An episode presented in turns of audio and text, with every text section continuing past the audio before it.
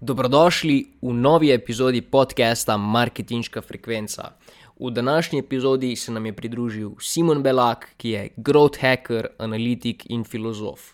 Pogovarjala sva se o tem, kako biti čim bolj efektiven v študentskih letih, kako najti dobro prvo službo.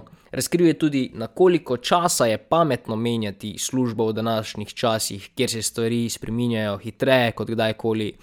Pogovarjala sva se tudi o filozofiji, pomembnosti mentorjev in ostalih tematikah, ki so ključne za posameznike, ki si želijo pridobiti znanja za karierni in osebnostni razvoj.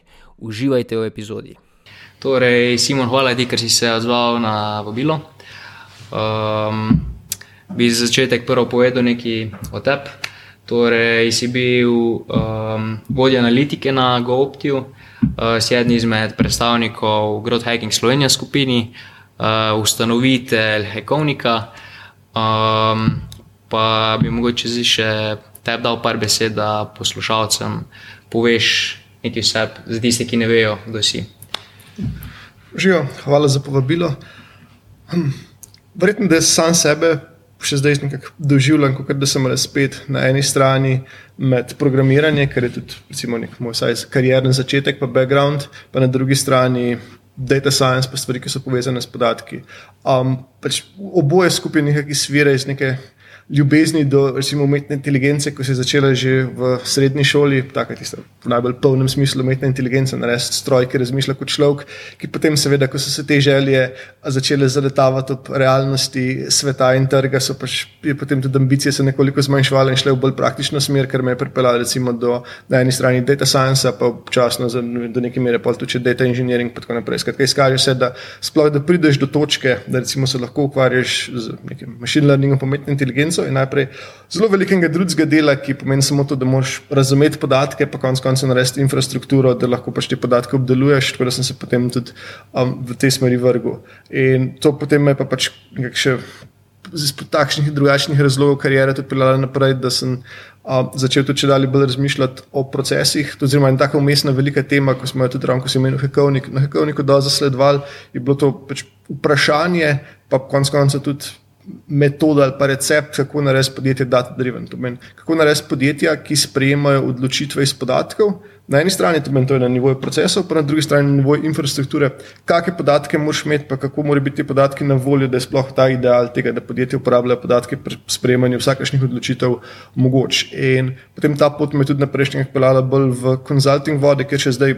Predsejšnji mi recimo bi lahko tim rekli, da pomagam podjetjem točno to, kako postati data-driven, čeprav zdaj mogoče še malo malo manj splošno, pa abstraktno, ampak zelo v konkretnem smislu. In recimo, se dosta ukvarjam z vprašanji, kako za neko raztoče podjetje, to meni, ki je že do neke mere uspešno, rečemo v slovenskih merah, bi to pomenilo par milijonov prihodka, odprti mogoče še en, dva tuja trga in zdaj tako agresivna rast. In zdaj pač vprašanje, kako lahko naredimo za tako podjetje, da je rast, kar se da, ponovljiva.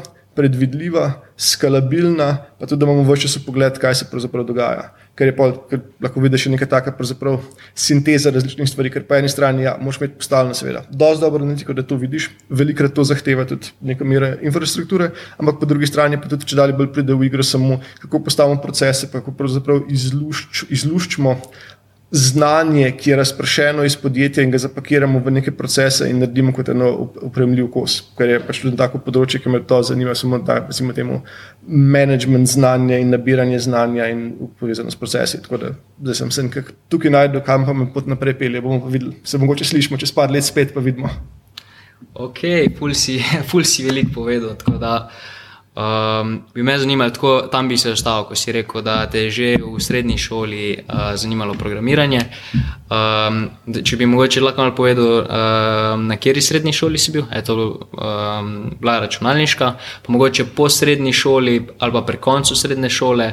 Um, s, kakim, s čim si se ukvarjal takrat, ali si, si že mogoče um, delal na kakšnem svojem projektu, pa potem kam, kak, uh, v katero smer si šel po srednji šoli, je to bil kak faks in mogoče ta. Um, Um, leta od 18 do 22, 23, če bi lahko malo bolj opisal, ker tudi um, naše občinstvo bo zdaj um, večinoma v teh letih, tako da verjetno jih fulj zanima, kaj, kaj je Simon v tistih letih delal. Če se, če, če, če se lahko vrneš nazaj v tiste leta.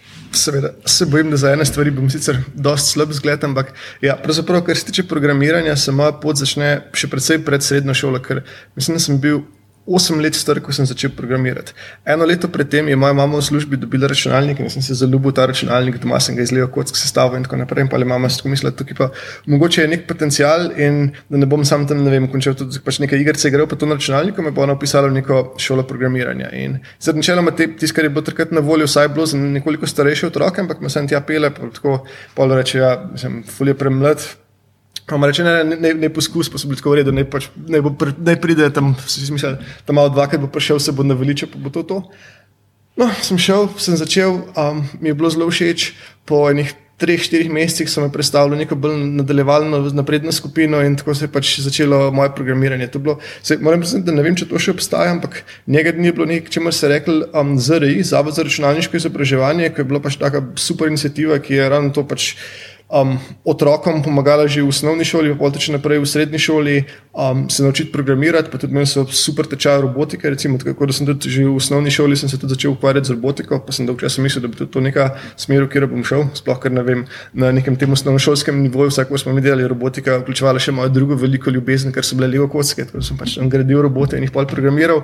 Ampak in pa je to programiranje nekako z mano ostalo. Tako da jaz, recimo, tudi moram reči, nisem imel nikoli nekih teh klasičnih študentskih jobov, kot je ne vem na takrat ali pa nekaj takega, ampak mislim, da so me prvič plačali za neko programiranje, ko sem bil star 15 in takrat naprej sem pa pač bolj kot nekaj programerske stvari delal. Ampak dejansko zelo dolg čas nisem mislil, da bo to tako nekako resno moja ta glavna karijera. To je bilo nekaj, kar sem pač zraven delal, bilo mi je zanimivo, um, bilo mi je fajn delati, tudi pač ja, vse, do neke točke sem postal dosti ciničen, sem razumel, da je dosti tak easy način, da dobim pač ti znar, ko sem ga nekako rabo za, um, kako pač se kot nek dijak ali pa tudi začetku študent nimaš nekih zelo velikih ambicij, tako da je bilo pač tisti čez glavo dost. Tako da sem se najprej sem se upisal, potem, ker sem še faksa, sem se upisal na fisko, pa sem tekom študija postal nekoliko razočaran, vse kar mi je bilo jasno, da akademska fizika ne bo pod zame, tako da sem se pol usporedno upisal še na filozofijo, ki sem imel pač precej raj, ampak pol tudi pač tekom študija je tudi že moja ta karijera v IT ali programiranju, kako hočeš temu reči, se zelo razsvetila in sem pa pač počasi če bolj to počel. Čeprav, da, če me vprašaš, da na neki meri se še zdaj pač se doživljam kot filozofa, ker mislim, da to tako, tako je pač fundamentalno gre za ne toliko. Um, kaj delaš, kaj redno, redno delaš, ampak bolj kaj je tvoja naravnanost. Pa, če hočeš tak fancy filozofski izraz, kakšna je tvoja vrženost v svet in kako to doživljaš. In to je pač nekaj, kar je z mano ostalo. Pa tudi moram priznati, pač, kar se nisem najdel v fiziki, vseeno mi je dala par zelo dragocenih stvari. Ena stvar, ki um, je zlata vredna, je pač samo način razmišljanja in analiziranje problemov in lotevanje problemov. Druga stvar, ki mi je tudi sploh pač teh nekih smeri, v kateri sem se pol gibal, machine learning, data science, pa tako naprej, zelo pomagala je, da so me naučili dosti matematike, da sem razumel, kaj se tam dogaja, pa tudi, da sem da lahko brez pretiranih naporov berem znanstvene članke iz tega področja, za kar sem pač zelo hvaležen in ta del mi je definitivno pač to mi je omogočilo, da sem se potem kariero naprej razvijal v smer, kjer sem se, čeprav pač ni mogoče najbolj očitno. Um, sem pa tudi vedno nekdo, ki ga zelo Vsaj, tako se doživljam, no, da me zelo žene radovednost. Tudi konc koncev, že, ko sem se prvič upisoval na faks, sem tako kolebo med fizikom in filozofijo. Če vzameš radovednost, pa poženeš do svojega konca, boš pač, ali boš končal pri fiziki ali pri filozofiji. V končni fazi vsa, vsa vprašanja se sesedejo v eno od teh dveh. Pač, prvič sem zbral fiziko, kakorkoli, ampak je ta radovednost je vedno zelo nek um, pomemben element in neko pomembno gnalo poganjalo v mojem življenju. E, tako da sem tudi zelo velik in na široko bral. Pač zdaj, da, poleg formalne izobrazbe, tudi, mislim, da imam tako še dosta eklektično izobrazbo, razen drugih stvari, ko so pač neke fascinacije prišle. Pa pač sem bral, pa tudi sem, ne vem toliko sem tekmoval ali karkoli, da mi je pomemben, da pač dosežem nek ta element razumevanja ali pa masterja, če je to kot neka veščina. Tako da pač te stvari, ker grem večinoma grem relativno globoko, tako da pač nisem tisto nekak površin, ne ostanem samo nek površinski raziskovalec. Ker tudi se je, pač se po eni strani je to seveda strategija, ki terja predvsej več časa, pa, ampak je pa na neki dolgi rok, pa tudi pač močne payofe, ker potem se znajdeš enkrat v situaciji, ko imaš par tako različnih stebrov znanja, ki jih lahko med sabo povezuješ. In to že, da mogoče preskočimo še v nekaj malce bolj konkretnega, pa uporabnega. To se mi zdi ena zelo pomembna stvar, pa velikrat zanemarjena, sploh tudi, recimo, kako je zastavljen naš proces šolanja. Da, um, če pogledaš tako, pač, vsaj v teh nekih poslovnih vodah, pa digitalnih, pa marketih, in tako naprej, je nač, večinoma ljudje, ki so, daleč, ki so najboljši performerji, so tisti, ki so močni v parih različnih področjih, ki niso očitno med sabo povezani, ampak jih samo je pač to, kar je, kar je nekako njihov ta unique value proposition, je ravno to, da med sabo povezuje par kanček različnih področji in potem to te naredi bistveno, bistveno boljšega od konca konca tudi konkurence, ki je mogoče gre pač samo v globino v eni domeni. In to je ena stvar, kjer lahko tudi recimo že tako dosti na začetku karijere za, na zanimiv način izstopaš, ker lahko kompenziraš, recimo, pač manjko na enih področjih, s tem, da imaš pač toliko več globine še na nekem drugem področju. Da, pač vedno, to se mi zdi, da je tudi tako, pač, zimo tisti, ki si malo resno lotevate svojega kariernega razvoja, pa pač poti, ko imate, pa če poskusite tako zarisati, da, da je nekih teh parih, par stebrov, pa drug nek tak um, podoben koncept temu je. Um, ste, skill stack, to pomeni pač različne veščine, ki jih skupaj sestavljamo, vsake posebej ne rabi biti tako, več posebenega, pa ne rabi biti trantist, kot v bistvu ta 80-20 princip peljan do nekega svojega logičnega zaključka, ker pač ni treba nobenih teh veščin. Ste izjemni, ampak je samo to, kako skupaj sestavljamo paričnih veščin, ki so vsem dostopne. Sploh dan danes, imamo pač ogromno resursov na internetu, je to res pač dostopno in gre samo za vprašanje, kako jih skupaj sestavljamo. Pač, a jih skupaj sestavljamo v eno osebo, pa jih znam potem tudi aplicirati, pač, da so križne med raznimi področji. In to lahko naredi nepopisno razliko v tem, koliko se potem naenkrat si sposoben, pa tudi konec koncev zaželjen na trgu delovne sile. Mhm. Ja, ful uh, mi je bilo všeč, kako si. Uh, razložil v bistvu to, da je vsak človek drugačen um, in da ima vsak neke svoje te uh, vrline, ne, oziroma dobre lastnosti, pa v bistvu je bolj naša naloga, da jih najdemo ne, na take in različne načine. Um, in torej, če povzamemo, si po srednji šoli si bil na, um, prvo na fiziki, ki si potem. Um, Videl, da ni to, to pa, si, pa si se predstavil na filozofsko. In ja. si potem uh, ustrajal do konca faksa, uh, ali si nekje vmes uh, se bolj. Uh, si začel med faksom, torej že uh, verjetno dosti ukvarjati z delom, pa z drugimi zadevami, in kako je mogoče pol uh, to, to šlo skupaj, a, a, a si uh, do konca potem. Um, um, ja, delal sem v bistvu vse faks, predvsem zato, ker me je pač me zanimalo. Nikoli, ker ravno to je, no, da se, pomeni, da še do zdaj se nikoli zares nisem najdel samo v eni stvari. Mi je zelo udobno v tem, da sem razmazan čez par stvari, ampak nikoli pa nisem mogel, da bi samo tako nekomu to monomanijo za eno stvar, mi nikoli ni bilo dosto. Da sem pač čez delo, zato ker mi je bilo zanimivo delati, pač všeč mi je bil ta občutek, da nekaj zgradiš, če samo pač, da softverom zgradiš v bistvu sem delal v čas. Ne mislim, da je kaj zelo vplivalo na to, kako, pač, kje sem se znašel in kje se nis, nisem znašel v univerzitetnem procesu. Tako da, ni, da bi, pač, ne iščem v tem kakšnih koli razlogov, za kar sem končal in nisem. Pač, enostavno, to, to je bilo nekaj čisto, kar sem rabo iz, iz vidika svojega širšega intelektualnega razvoja, pa konec koncev tudi. Vem, sreče, če hočeš, pa nekaj občutka um, zadovoljstva in zadoščenja. Um, kar se tiče filozofije, sem prelezel do guess, absolventa, imam diplomo tako na tri četrt napisano.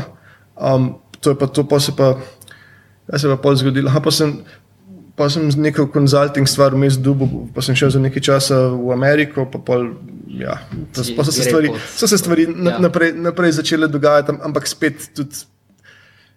Ne vem, moram priznati, da na, na liste papirja nek, pač ne polagam neki zelo velik vrednosti. To sem tudi izkušnja naučila, ker moram na tej točki, pa tudi kar nekaj let nazaj, že se je tako začelo, da ni bilo situacije, da bi kakšne koli vrata mi bila zaprta, zato ker pač nimam tistega formalnega zadnjega koraka. Sem bil pač vedno dosta aktiven, tudi vem, pri filozofiji, sem pač dosta pisal sem na raznih konferencah, pa tako naprej bil, tako pač in ti se izkaže, da se v resničnem svetu ceni bistveno bolj ali pa bolj pomembno pač prek tega, pa da si pa spet to, da imaš neke zanimive poglede, pa zanimive nastavke. Ker tudi recimo, no, če se kaj sem pri filozofiji, je bilo tako, da sem vedno iz nekega vidika pač lahko prišel iz, iz neke malce druge perspektive, ker sem pač močen tudi tehničen background in sem potem v neki meri lahko bil tudi pač mal en fantari black, kar se tiče pač filozofije, kot nek nepol outsider, ampak neče se res pač mal kombinirajo stvari. Ena tema, recimo, ki mi je tudi v filozofiji bila zelo zanimiva in pač sem jo dosti zasledoval, pa še zdaj zasledujem, je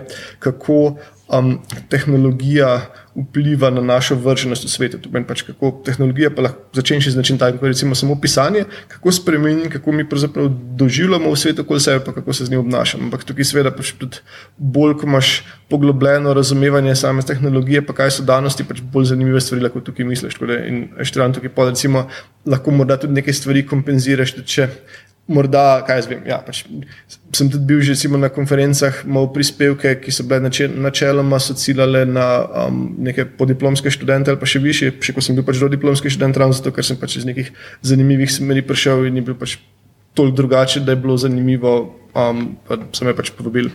Hmm. Uh, uh, ful mi je zanimivo, ko skozi omenjaš filozofijo, pa se mi zdi, da na, na nek način uh, jo tudi povezuješ s tem, kar delaš uh, v svetu. Pa me mogoče zanima, če, uh, če bi lahko povedal kaj o povezavi, ki jo ti vidiš nasplošno med načinom razmišljanja in filozofskim pogledom na svet, pa tem uh, pa ustvarjanjem, uh, delom v bistvu um, ta connection, na kak način ga ti vidiš? Okay. To je super široka tema. Če poskušam zožiti na par stvari, verjetno prvo je spet to, kar sem tudi pač prefiski omenil, samo iz neke druge smeri, je samo način razmišljanja, način, kako analiziraš probleme, kako jih razstaviš probleme. To je tudi ena stvar, recimo, ki mi je potem pač kasneje, sploh ko sem malo bolj postal izkušen, pa sem začel voditi ekipe, pa tako, na, tako naprej razvijalske. Zelo pomagala je samo to veščina, kako razstaviti problem. To je nekaj, po mojem, da tako, za kdorkoli, ko je v nekem softverskem developmentu ali nekaj takega, po mojem, največja razlika, ko jo lahko naredite za to, koliko koliko ste dobri v tem, kar počnete, je, ali pa tisti najlažji naslednji korak je to, da se naučite dobro razstavljati zelo kompleksne pač probleme ali pa sisteme. Pa zdaj, mislim, pač, vem, kompleksen sistem je lahko ja, nekaj tako, kar ne vem, da rečemo, okay, kako deluje vem, Twitter feed, ampak lahko je pa tudi vem, kompleksen sistem, konec koncev pa tudi. Demokracija ali pa nekaj takega, pač precej bolj abstraktnega načina. Ampak še vedno to, da, zna, da se pač ajš, da imaš nek sistematiziran način, kako razmišljaš skozi različne stopne abstrakcije, da res do, da znaš dovolj široko gledati, da razumeš, kaj so vsi neki um, akteri, ki so to upleteni, neke pač silnice med njimi, njihova hotenja, cilji in tako naprej. Pa tudi, vem, če gremo neko bolj inženirsko plat, kako te stvari. Mirimo, kako jih detektiramo, kako pač neke te vnosi v sistem, tudi samo vplivajo na sistem, kako delujejo razne povratne zanke, kako se informacije prenašajo, kako se akumulirajo, ki se stvari pač zgubljajo, nabirajo, ki so razni um, bottlenecki in podobne stvari. In pač, ja, ampak se tudi to, mislim. Zdaj, kot govorim, pa razmišljam, ni verjetno samo filozofija kot taka, ampak je ravno pač ta neka kombinacija na eni strani filozofije, pa na drugi strani nekega bolj inženirskega smeri. Dejansko je bilo tako v 70-ih, pa zgodnjih 80-ih je bila ena disciplina, ki bi mi bila grozno blizu, če bi še obstajala v takem smislu, ki se je rekel kibernetika, ki se je ravno pač s tem ukvarjala, da je bila na presečišču po eni strani. Malo mal je črpala iz filozofije, malo je črpala iz biologije, nekaj je črpala iz um, pač computer science, pa konec koncev tudi vem, iz elektronike, pa podobne stvari, ko so pač tam vezje, pa to in sestavljeno neko tako skupno vedo, kako se obnašajo kompleksni sistemi, ampak potem je žal iz takšnih in drugačnih zgodovinskih razlogov je tam do 90-ih je bolj ali manj zamrla um, kot ve. Tako da to pač ni nekaj, dan danes, sploh pač, še, če se če zdaj še vedno govorijo o kontekstu študentskih let, ni nekaj, kar bi lahko študiral ali karkoli, kar je pač nekaj takega, ker je večina, recimo, te mainstream akademskega sveta na to gleda kot pač neko popolnoma mrtvo. Ve. Čeprav ne mislim, da je. Pa je par ljudi, ki se recimo še vedno s tem ukvarjajo v raznih oblikah. Ok, to recimo, je pač en tak kos. Um, drug, kaj recimo, že tako, da mi je filozofija dala. Meni se zdi čisto um, zelo zdravo in pametno za vsakega posameznika, da, da tako začne malo prebirati take tematike, ne čisto da, da si malo odpre odzorja, da, da vidi druge načine razmišljanja, pa, si pač samo zame tisto, kar, kar njemu ustreza, pa kar ne, ne. In se mi zdi, da se tudi to um, nekako reflektira tudi pol na delo, ki ga ta opravlja. Ne. Oziroma, da je pač po branju neke določene literature tudi um, sposoben biti bolj kreativen, pa bolj produktiven, pa tako naprej, ne, v tem smislu. To je tudi ena stvar, ki se mi zdi pomembna.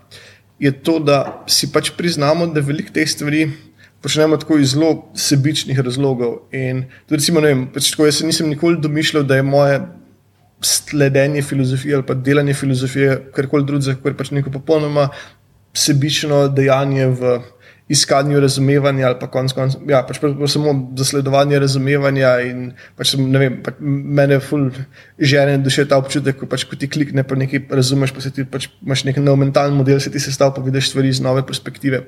Um, in nikoli si pa nisem pač tako domišljal, pa tudi mislim, da dejansko stvari ne delujejo tako, da bi, ne vem, zdaj pač tam vzameš enega filozofa ti prebereš, in potem direkt, da direktno uporabiš stvari, ki so tam napisane. Se mi zdi, da pač jaz sem mogoče nekaj drobce, ampak bistveno bolj nek zdrav pristop, se mi pa to zdi, da pač.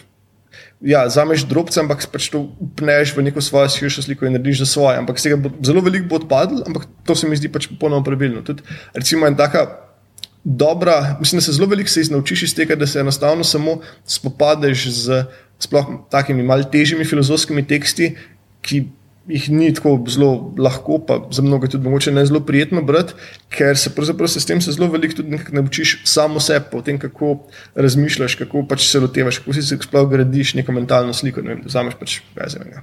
Lakana ali pa neki tadze, kot so Derrida ali pa tako, ja, recimo sploh te razni francozi iz 20. stoletja, ko so znani potem, da so pač besedila, ki so zelo. Um,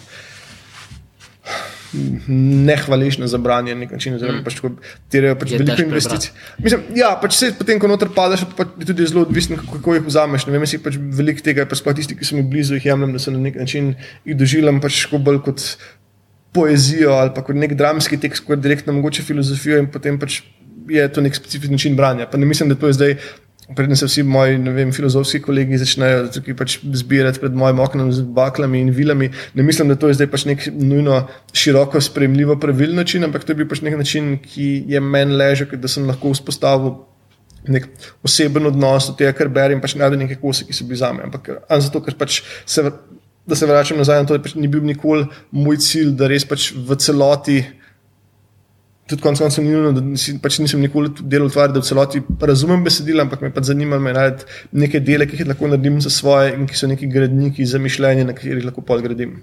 Okay. Um,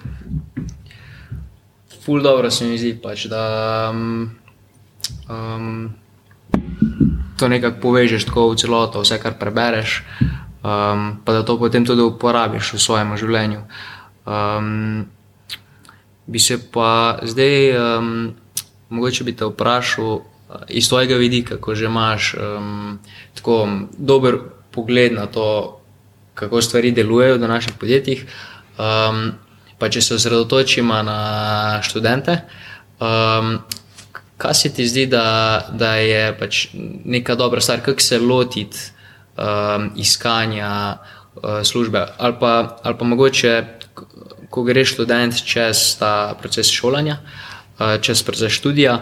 Um, a se ti zdi, s čem, s čem se ti zdi, da je dobro, da se študent pač. Um, Kdaj, kdaj naj začne delati, uh, kdaj, kdaj naj začne študirati v takih tematikah, ali, ali se naj osredotoči čim bolj na študij med študijem.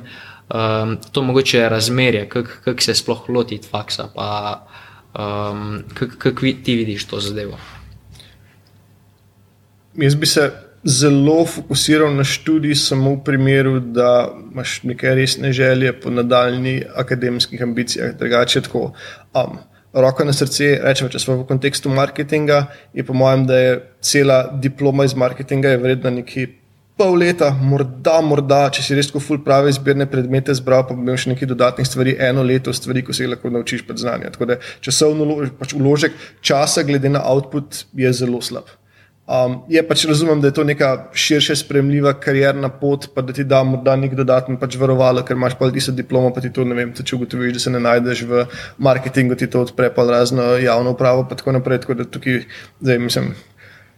Koliko radikalno pač se to vsakmu zdi, pač se lahko zdaj to zastavlja, ali je smiselna univerza ali ne, ali pač je tak študij, če, pač, če te ne zanima neka ta raziskovalna pot, pa če gledamo samo iz perspektive zaposlitve, ampak vsekakor pa definitivno pa iz vidika tega, kar trg išče, pa kaj je vrednost na trgu, je dokaj omejeno, pač na veščine, ki si jih nabereš. Tudi napravim, pač tudi, vem, sem bil udeležen v zelo velikih zaposlovalnih procesih in moram priznati, da nikoli, pač je tako, da bi izobrazba karkoli vplivala, ni bilo pač nikoli.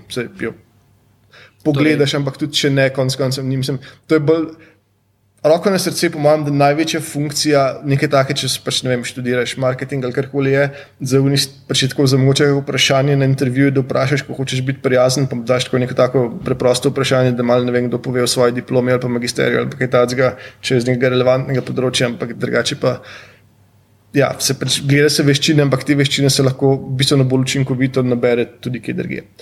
Um, da, pač, in, ampak zdaj tako smo prišli do tega, no, zdaj, če pač to ma, malo manj pridigamo o tem, kaj se meni zdi prav, pa ne, ampak gremo raje na to, kaj so pač actionable stvari. Prvi korak je to, da. Pa to vem, da je tako fulno nehvaležno pač priporočati nekomu, ki je star, ne vem, 21, 22 let, kot ste videli, po moji karjerni poti je bilo tako all over the place, pa še zdaj malo, tako da tudi sam nisem spet svetu zgled tega, ampak pomaga, če imaš neko videnje, kam hočeš priti, pa si začrtaš pač pot, ne samo tega, ja, bom diplomiral, pa potem si najdeš nek entry level job v marketingu, ampak pač tako bolj resno, pač kaj početi, do kakih tipih podjetij in tako naprej. Ker to ti bo potem. Pač prvič ti bo povedal, ali je, vem, je akademska smer pomembna ali ne, ker bo malo pač dal to ravnovesje, koliko na študij pa ne. Potem tudi iz tega lahko takoj to začneš prelivati v to, okay, kaj so pa še one veščine, ki jih moram se naučiti onkraj tega, kar mi recimo faks prenese. In zdaj, kdaj začeti iskati službo, je pač spet od vsakega posameznika po svoje odvisno. Mislim, načeloma se mi zdi, dost škoda za prav študentska leta, za neke te študentske jobe, kako je spet na takarstvo, pa to čistega vidika, ker lahko pač delaš na kot ne vem, ali kako tudi konec konca nek freelancer v marketingu, ki tega so pač so načini, ko si bistveno boljš pač krediš, da je tisto dokaj stran vržen čas, ki ti nikamor te naprej pripelje ne po znanju, ne po izkušnjah, finančno tudi pač, da se ti sporabiš, pač predtem skoraj zaslužiš. Tako da to zdaj pač se pa zavedam, da seveda različni ljudje imajo različne danosti in ja, nekdo, ki pač ne vem, si lahko privošči in si namen tisti dodatni prosti čas za učenje, seveda pač v boljši poziciji tukaj. Žal je življenje do neke pač mere krivično, ampak tega se mi ne zdi prav, da bi tako zdaj pač rekel. Ja, to nujno morate že od začetka študija, ker pač eni si to lahko prvoši, drugi si ne morejo. Pač načeloma, dobro je čim prej. Poleg pa samih znanj je pa tudi um, dosti pomemben, sploh na začetku, ena stvar, s katero lahko pač izstopate ven, to, da imate že razne projekte. Um, až da nekaj za pokazati. In to se da pač na razne stvari. Zdaj, pri projektih moram izpostaviti, da tisto, kar je bilo delano v kontekstu šole, je načeloma tako, pač skoraj kot da ni. Tisto je zelo mehko, teže se tisto polaga, zdaj, ker je pač tam sta dva problema. Prvič je dosti težko razpakirati, kaj je kdo, pa koliko je naredil, pa tako naprej, pa koliko je bilo naprej pripravljeno, pa koliko je bilo konec koncev tudi recimo nek profesor ali asistent bil v tem udeležen, pa je popravil, tako da je da iz tega vidika izkrivljeno. Po drugi strani pa tudi je roko na srce, včasih tako, da če je nekaj narejeno slabo ali pa omejujoče, to ravno spet zato, ker so bile to želje profesorja, namesto tega, da bi pač to inherenten bil pristop, ki ga je pač si ga ubral. Tako da načeloma, kar je bilo šolsk, kar je šolskih projektov, je tako pač dobro, se, kar se naučiš, ampak ni pa to kot neka referenca. Um, zdaj, seveda, tukaj je mal tisti pač. Um, Kura in jajce, problem, kako dobiti te projekte, je, ampak se da pač. Verjetno si pač se treba sprijazniti s tem, da se na začetku nekih teh projektov bo ne plačanih tako ali drugače, ampak je velikrat se da vem, pristopiti raznim društvom, ker že tako tako stoje ali pa klubom ali pa karkoli, pa se za njih recimo kaj dela, spet smo pač v marketingu, razne vem, boljše spletne strani, razne akcije, e-mail kampanje. Um, tudi drugače, kdaj če se s kom pač, veš, tako da če razmisliš, kaj hočeš početi, pa si zamejiš na neko področje, pa potem tudi konec koncev greš po nekem tem long tailu podjetij, pa jim ponudiš, da če za ston to narediš. Ne vem, recimo nekdo, ki hoče se pač naprej razvijati v e-mail marketingu in sem predvsem pripričan, da če pač pošljete čisto nek cold outreach, ne vem, 20-30 podjetjem, pišete situacijo, ja pač nimam še nekih full referenc, ampak sem pripravljen to pač postaviti. Vidim, da zaenkrat nimate še našel karkoli, pa imate pač zelo slabo, sem pripravljen to postaviti. Edina stvar, ki bi rekel za meno, je to, da vas lahko uporabim kot case study za naprej.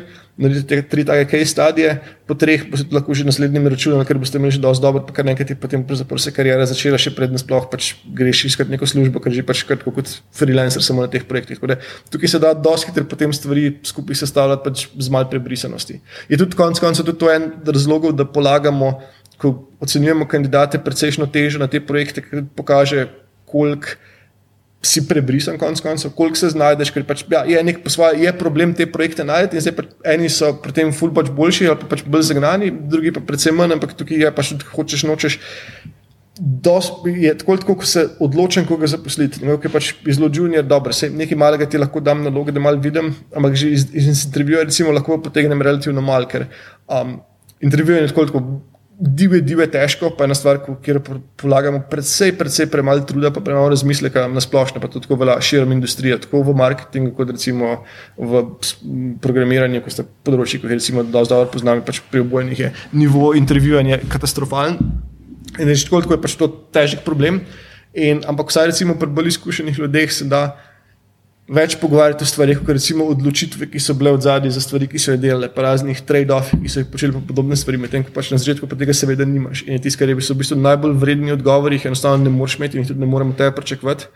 Um, tako da potem pač gledam nekaj te še bolj, pos, že, to, že to so po svoje dosti posredni znaki, potem moram gledati pa še en nivo bolj posredne znake, kot je to, okay, koliko si bil iznajdljiv pri tem, kaj si najdel za početi koliko si zagnan, koliko imaš neko jasno videnje, pač kam hočeš iti, a te projekti odzvanje, to, kamor se hočeš razviti, kar so pa tudi pač pokazatelji. Tukaj se tudi zavedate, da tak projekt ne bo samo projekt, ki ga bom jaz ocenil. Ocenjeval, če hočeš iz vidika samega projekta, ampak me bo pač zanimalo, predvsem, kaj tudi o tebi pove, nek širši kontekst, zakaj se sploh, ker je tudi konec koncev analiza, ki jo pričakujem. Ok, spet mogoče ne nujno čez nekoga juniorja, ampak pač tudi kasneje, pač za razne sploh malo bolj vodstvene pozicije ali pa pozicije, na katerih ljudje sprejemajo odločitve. Pravno to, da odločitve bom zaupal tistim, ki znajo razmisliti problem pač v nekem širšem kontekstu. To pomeni, da pač se vedno pogleda, okay, kaj so neki poslovni vzroki, ki so povzročili to, da to sploh hočemo delati.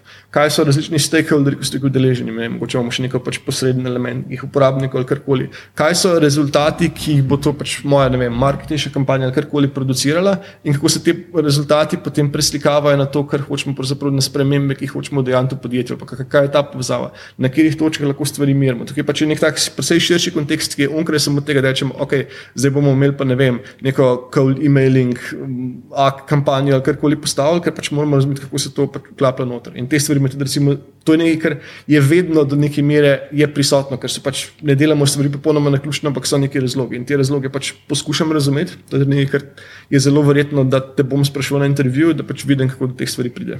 Tako da je pač bolj kot to, nekaj, se potem skrbno kurirate te projekte, tukaj lahko tudi še nekaj dodatne razlike naredite. Mm. Ok, spet ful veliko informacij. Um,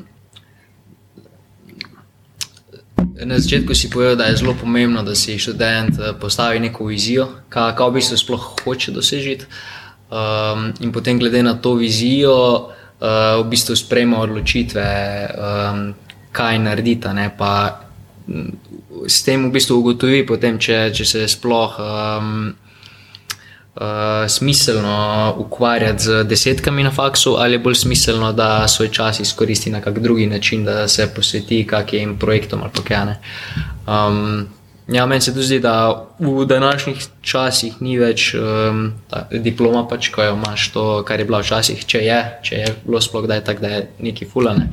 Um, ker imamo pač še posebej, pač, um, um, bolj kot bolj ko se stvari razvijajo v digitalu, bolj, bolj je pomembna praksa, vsaj jaz to tako vidim. Um, da um, pač dan, danes v šolskem sistemu se. Um, na faksu, na primer, konkretno se niti ne učimo, kaj je dosto o teh stvarih, uh, o katerih uh, v bistvu uh, od nas iščejo. Naprimer, če specifično se obrnem na platforme kot so Facebook ali pa Google ali pa LinkedIn, uh, na faksu skoraj skor da ni govora o njih. Ne. Tako da ja, se mi ful zdi pomembno, da ob faksu um, se čim več dela na različnih projektih. Um, in da so potem to tiste stvari, ki ti prinesejo, v bistvu, da dobiš službo ali ne. ne. Uh, pa naprimer na, na razgovorih predvidevam, da si doskrat bil zraven, oziroma da si, da si bil ena izmed tistih oseb, ki so spremljali odločitve, če nekdo sprejeta. Ne? Um, Koliko je v bistvu naprimer, pomembno, um, ali pa če se to sploh gleda, kakšne ocene ima neka oseba na faksu, um, pa ali se bolj gleda na projekte, uh, na katerih je bil, ali mogoče njegove delovne izkušnje, kaj, kaj so tiste stvari, ko dejansko potem prenesel. Ali, ali je to mogoče bolj tisti nek uh, ki, ki ga uspe narediti med pogovorom. Bom jaz malo druge smeri začel. Recimo, kar jaz tri vprašanja, ključne, na katera si skušam odgovoriti tekom intervjuja, na podlagi katerih pa sprejmem odločitev, ali bi te zaposlili ali ne. So. Ta prvo je, a mi je s tabo fino delati. To je čisto, ta, ta je divje subjektivno, pa je tukaj tudi zato, da pač zapakiram vse to neko subjektivnost, ki bi bila drugače razmazana čez ful drugih vprašanj. Pač samo enega in je to, da sem pač sam sabo odkrit, a enostavno mi je tako, ne vem, tvoj vibe pa mi je v redu ali mi ni, pa mi je s tabo v redu delati. Če tukaj pač načeloma mislim, da si mi kul, cool. potem drugo vprašanje je to, koliko mislim, da imaš velik potencial. To je pač, do, do kam se lahko razviješ. Ne vem, to, kje si zdaj, ampak samo je, pač se mi zdi, da si dosti blizu temu, ki bi prišel, imaš še full potencial, kakorkoli. Pa tretje vprašanje je, kaj je najbolj kompleksna naloga ali pa projekt, ki, ga, lahko, ki, ti, ki sem ti ga pripravljen zaupati zdaj. To so pač tako nekakšne tri glavne vprašanja, na, na katera si skušam odgovoriti. In pač Nobeno od teh vprašanj si dejansko si ne moreš odgovoriti direktno, ampak je pač vedno samo posredno. Lahko si malo do neke mere si lahko pač prebrisan s tem, kako postavljaš vprašanje, ampak to, to je tako, pač tukaj se v bistvu gre bolj za to, da iz nekih drobnih hintov, ki so razmazani okoli, pač sestavljaš to um, celostno sliko. In zdaj pač skladno s tem, potem recimo, kaj so stvari, ki so meni pomembne, zdaj v teh, ki si jih naštel. Um, ja, gotovo pač pretekle izkušnje so mi vedno pomembne, potem pomembne so mi pač kakšnikoli stranski projekti ali pa stvari, kjer si bil, ki niso ti zdaj, pač vem, da si to skozi to tako lahko mogel iti. In to iz parih razlogov. Ne toliko samo zaradi nekega znanja, ko si ga tukaj dobil, čeprav dobro. To recimo, pač me zanima, ker spet se na to vračava, ker smo se na začetku pogovarjali, da so mi zanimivi ljudje, ki pač so močni v parih različnih vertikalah in tukaj, recimo, z temi, temi stranskimi projekti, bi tudi malo tipov, kaj recimo, imaš še neko drugo močno vertikalo. Okay, až, ne vem, če pri nekom opazim, rečemo, z neko marketinško pozicijo, opazim, da imaš na, na CV-ju, da imaš nekaj projektov, ki so, so povezani s hospitality, me bolj zanima, recimo, je to neko področje, ki ga tudi pač poznaš in jih znaš skupaj pač sestavljati. Se mogoče niti ne bo to zelo relevantno za to, kar pravim, ampak mi je pa zanimivo, až pač imaš to neko dodatno še perspektivo, ki ti potem tudi um, da neko novo prizmo na to, na pač samo marketinško delovanje. Druga stvar, ki me pač tukaj zanima, je pa, zakaj si jih izbral. Pa, kaj je zraven, pač ravno spet to, ker skozi to lahko potem nekako. Pač, ne, Ravno iz tega bom precej lažje sklepal na to, recimo, pač, koliko je tvoj poten, potencial, ker me zanima, okay, koliko si po eni strani motiviran ali pa zakaj si, pač, kakšni so bili tukaj v zadnji razmisleki. Mogoče, pač tudi bolj, recimo, ne kaj si se naučil kot, kot tisto, kar ti je bilo pač tekom tega tako, tako inherentno prinešeno, ampak bolj tisto, kar si pobral, kar je nekako nepričakovano ali pa onkraj tega, ker mi spet pač kaže, da je to nekdo, ki se zelo zlahka uči, pa zelo hitro pač nabere razne informacije, pa je skupaj sestavljen nekaj zanimivega, ker pač mi potem pravi, da je verjetno tvoj potencial do, dokaj visok, pa da si zelo učljiv, ker pač tako je naredi um, bolj zanimivega. Tudi, okay, recimo, Mal tudi ti dajo projekti, ti dajo širino v smislu, da je zadnje vprašanje, kaj, kaj sem ti pripravljen zaupati. To, Ker ključni problem, ne, tem, kaj nekomu zaupati, je um, ta unknown unknowns. Kaj so one stvari, ki jih sploh ne veš, ker tis, to je tisto, kar te bo najbolj omejevalo. Ti stvari, ki pač veš, da jih ne veš, so simple, ker pač jih pogooglaš ali jih vprašaš, pa saj jih znaš skomunicirati skupino, pa nekako menedžirati pričakovanja. Ampak ti stvari, ki so ti pa popolnoma slepa pega, da sploh so. To je pa velika nevarnost in to je pa na tistem, kjer potem pač ljudje ne uspejo ali se pa projekti ustavijo. In pač bolj za to neko širino raznih stvari, ki si jih delo, je večja kot imaš širino, manj je pač verjetno manj imaš teh nekih popolnih slepih peg. Oziroma, pa se te lahko mogoče vprašam, kaj v tej smeri, da malo zatipam, kje te slepe pege obstajajo. Um, tako da ta del mi je pomemben, ocene mi moram priznati, da sploh niso. Um, ker pač sem doskrat že imel na intervjujih, kakšni so bili na papirju zelo močni kandidati, pa se je pa izkazalo, da so imeli recimo grozne probleme aplicirati stanje. Um, tudi, vem, živo se spomnim, recimo, iz časa Goptija, ko smo imeli nekaj, mislim, da bil že takrat imel že doktorat ali pa, ali pa bil doktorski študent, vsaj pač matematike, pa je bila pač neko vprašanje iz smeri, ki je bila zelo relevantna za njega, pa je pač najprej popolnoma zamrznil z vprašanjem, pa, pa ko sem pa vprašanje reformuliral, pa ga je zastavil pač tako, da sem oklestil celoten ta kontekst, ko smo se prej pogovarjali pač poslovno, pa ga sem mu pač formuliral kot nek matematičen problem, pa je seveda odlično odgovoril. Ampak mm. pač tega koraka, če pač ne znaš in ta vzorc sem videl tolikrat, da mi je zdaj popolnoma vse en, kakšne so ocene. To je pač nekako na tebi, ampak ne, ne bo naredil noben ne, nobene razlike. Če bi imeli dva kandidata, ki bi bila popolnoma enaka, pa sem poceni drugačna, pač bom še vedno bom, bom šel pač po nekem ne vem, intuiciji ali gut feelingu ali karkoli. Pač vse drugo ne bo to nekaj, kar bo vplivalo na mojo odločitev. Hmm. Uh, kaj pa je nek tvoj nasvet, ko bi ga dal študentom, da v bistvu sploh najdejo tisto, kar um, jim je pisano na kožo. Torej, danes je full nekih stvari, ki jih lahko delaš, uh, full se novih mest odpira. Uh, in na kak način bi sploh nekdo lahko najdel tisto stvar? To je super vprašanje, ker to je nekaj, kar sem se malo dotaknil, pa nisem dovolj dobro še razložil prej. Ravno potem, ko smo omenjali nekaj pač niše, pa da ti ne bo jasno. Mislim, jaz bi pri, zelo priporočam, da se tega lotiš iz dveh smeri. Ena smer je to, okay, kaj bi jaz rad počel, čisto v smislu, kje veščine, pa kje znanje bom uporabljal, da bom to delal, ampak drugo pač smer, kjer je pa tudi veljalo razmisliti, pa na katerem področju bom to apliciral. Ker idealno imaš pač ti izdelano samo za sebe vizijo, da ne vem, ok, se pa hočem specializirati za, spet rečemo, email marketing plus neke te marketing avtomatizacije in to hočem delati v, ne vem, SaaS startupih ali pa nekaj takega, da imaš pač dosti jasno, da veš. In to je pač je par razlogov, zakaj je smiselno se na začetku dosti usko specializirati. Prvič je zato, ker se lahko bolj učinkovito potem učiš. Po eni strani je manj si paraliziran, tega, ker je toliko enih možnosti, kaj se lahko učiš, ampak je bolj zamejeno, kaj sploh narediti, pa lažje si narediti nek ta svoj učni program ali pa roadmap, kaj se bom učil.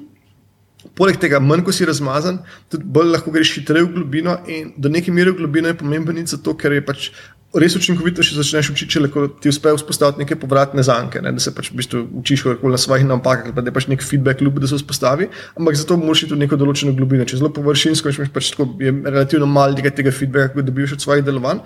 In zaradi tega se tudi Uložil si enak čas, ampak ker je bilo toliko razprašeno, si dejansko manj se naučil skozi to. Torej, to je pač drugi razlog, da je dosti pomembno. Tretji pa čisto, da bolj ko ti je jasna neka niša, ja, pač bolj lahko slediš in tudi lahko se sam sebe bolj pozicioniraš in se bolj prodaš. Tudi mogoče pač to malo spremljaš, pa ko ga poznaš, tudi vem, tisti, ki vam je recimo ta del blizu networkinga in tako naprej. Pač je precej lažje, če si usmerjen v eno smer, pa ne samo recimo fizični networking in tudi konec koncev, kaj zvem, če si aktiven na Twitterju ali pa LinkedIn ali karkoli. Pač, če imaš neko jasno nišo, hišo, pa imaš pač tam nek seznam ljudi, s katerimi bi pač interagiral, pa tako je precej lažje, kot spet ja, tako fulno široko. Pa se zgodi, da tako, vem, pač dobiš ta nek provizoričen svet. Ja, dan danes je pač dobro, da si aktiven na LinkedIn, super in pa pač ljudje, ne vem, tam followajo te neke velike figure, ali ne vem, Mark Cuban ali pa nekaj takega, pa tam piše enega od milijon teh komentarjev, ki jih noben ne bere, pa tako pač čas zabijaš, medtem ko je bistveno bolj uporabno, da dobro razumeš, kako je, pač, kom hočeš, pa se engageaš z nekom, ki ti bo dejansko nazaj odgovoril, zato ker ni nek tak pač tam velika živina,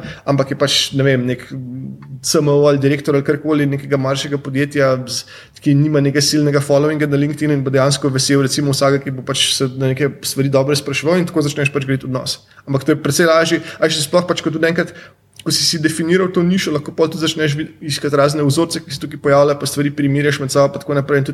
To se bo tudi odslikavalo na intervjujih, ker boš lahko pač spet, ja, v trade-offih boš lahko boljš govoril, pa razne boš pač primerjave, boš dal bolj relevantne, ne vem, kaj stade ali kako boš pač poznal, drugače pa samo toliko široko, da se pogovarjamo o fulikih splošnih stvarih in je pa avtomatično bistveno ven izstopaš. Um, in tudi pač pa ne se bat polarizirati, ker je to recimo.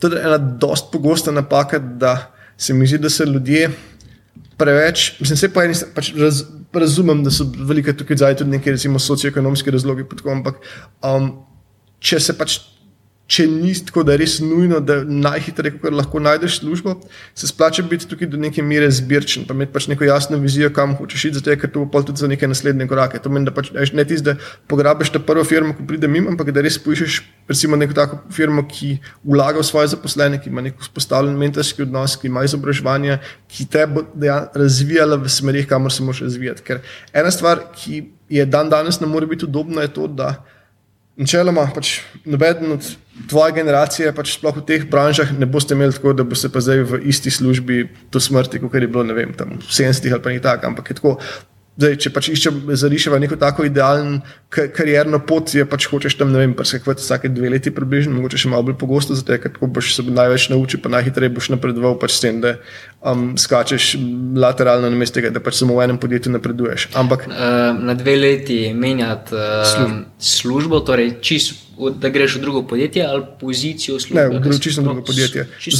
Znotraj podjetja, mislim, se, seveda tukaj so izjeme. Recimo, ne, pristaneš v nekem startupu, ko ful eksplodira, pa pač dive raste, pa tako naprej, pa se dejansko tudi tvoje možnosti spremenjajo. Pa pač pač Ideja je, pač, da je dve leti tukaj tako pač številka, zato da je stvar bolj nazorna. Pač Poanta mm. je v tem, da pride do neke točke, ki je en prevoj, kjer se bo tvoje učenje se bo zelo počasnilo, to bo verjetno še dosti malo, tudi tvoje napredovanje tudi če ga je bilo začetku nekaj, se bo načeloma se bo upočasnil, ker enostavno pač vse to se ja, je neka ta pravljica, ko se jo prodaja, ko začneš tam čist pač od, od spodaj, ne vem, tam um, čisteš hodnike in potem nekoč si, nekdaj si direktor, ampak to roko na srce ni zelo pogosto, ker tudi, je, tudi če se odprejo pač neke više pozicije, je zelo velika te preference, da se zaprenese nove zunanje ljudi, ker pač vse se tudi interno se pač mal napreduje, ampak je to napredovanje je ful počasnejše, ker da skočiš nekam drugam, ker imaš takoj pač više. Pa tudi vidiš vzorce širše, In se, mislim, da je že samo tako, da če bi bilo enako, recimo, vem, kar se tiče finančno, pa sam tega nekega napredovanja, med, pač tako, da ostaneš v isti firmi, še da ne veš, pa preskočiš, pa skoraj nikoli ni. Ampak če bi bilo enako,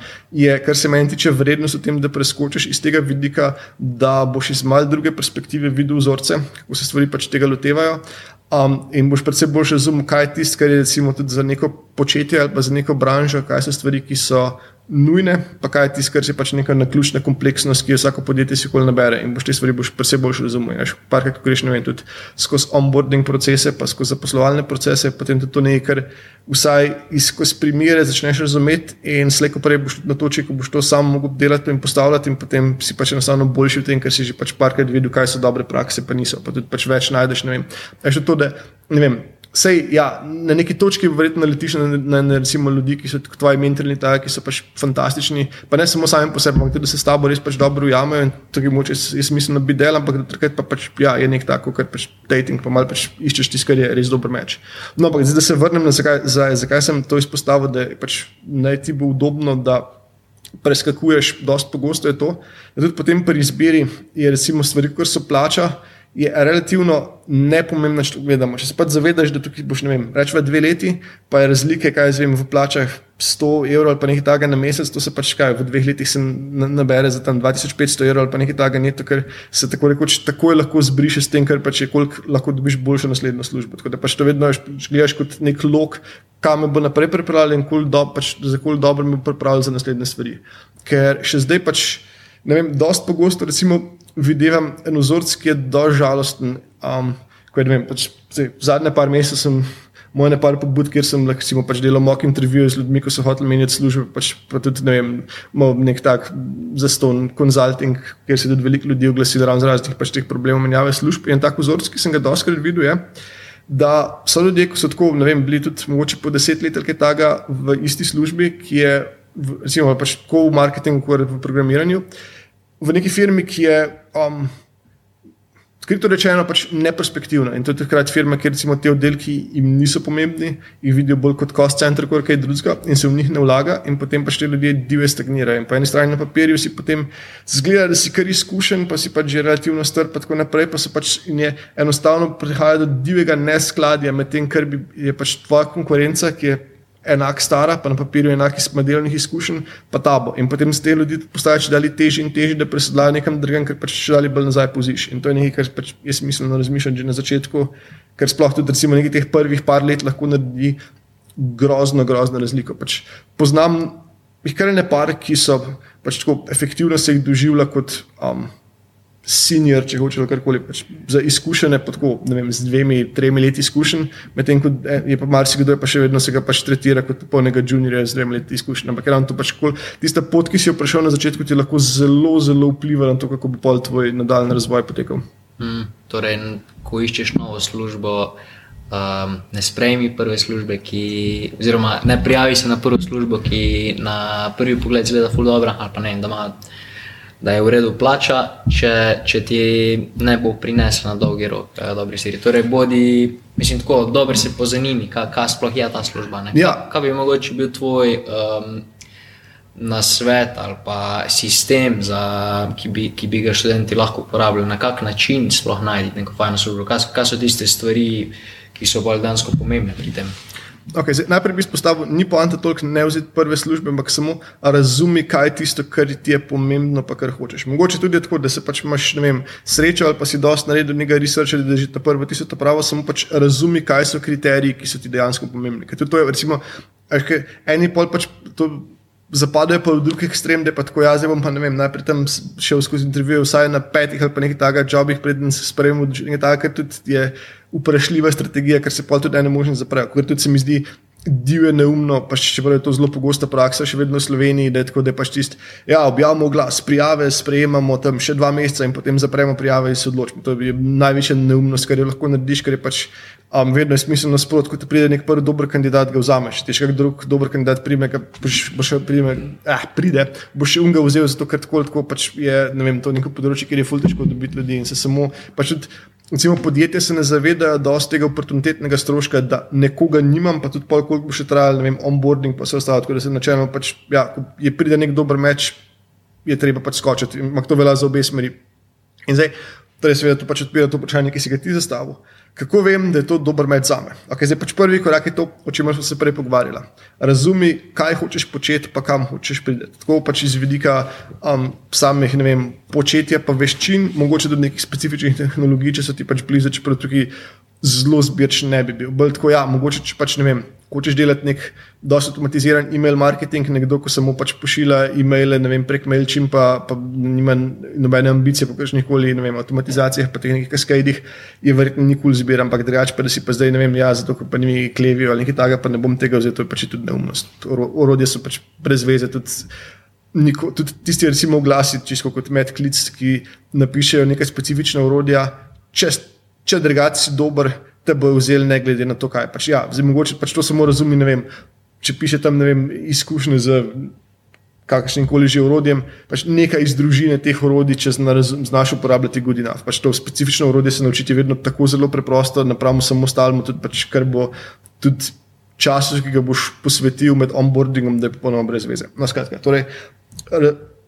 razumi najprej, kaj sploh hočeš, pa, pa kaj so pa recimo dobra vprašanja za, pač za podjetje. Ker tudi to je ena stvar, recimo, ki je dosti pomembna, tudi ti nazaj sprašuješ vprašanja. In spet, če ti tega niti ne omogočajo med samim zaposlovalnim procesom, a, si upam staviti, da je to za noč podjetje, ki se lahko kar posloviš.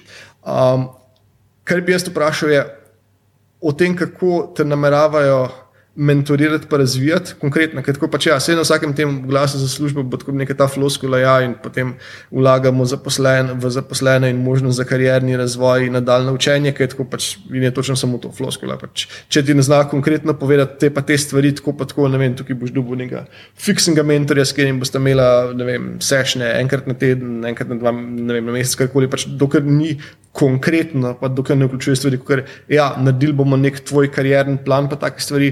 To ni podjetje, ki je globoko razmišljalo o tem, kako pač bo razvijalo svoje ljudi, ampak je tako kar nekaj bolj sprotno, oziroma se pol pričakuje, da se boš mogoče to v svojem času ali karkoli še dodatno učil, pa bo to skoraj pač ne kot možnost, ampak kot pričakovanje, kar seveda ni idealna situacija.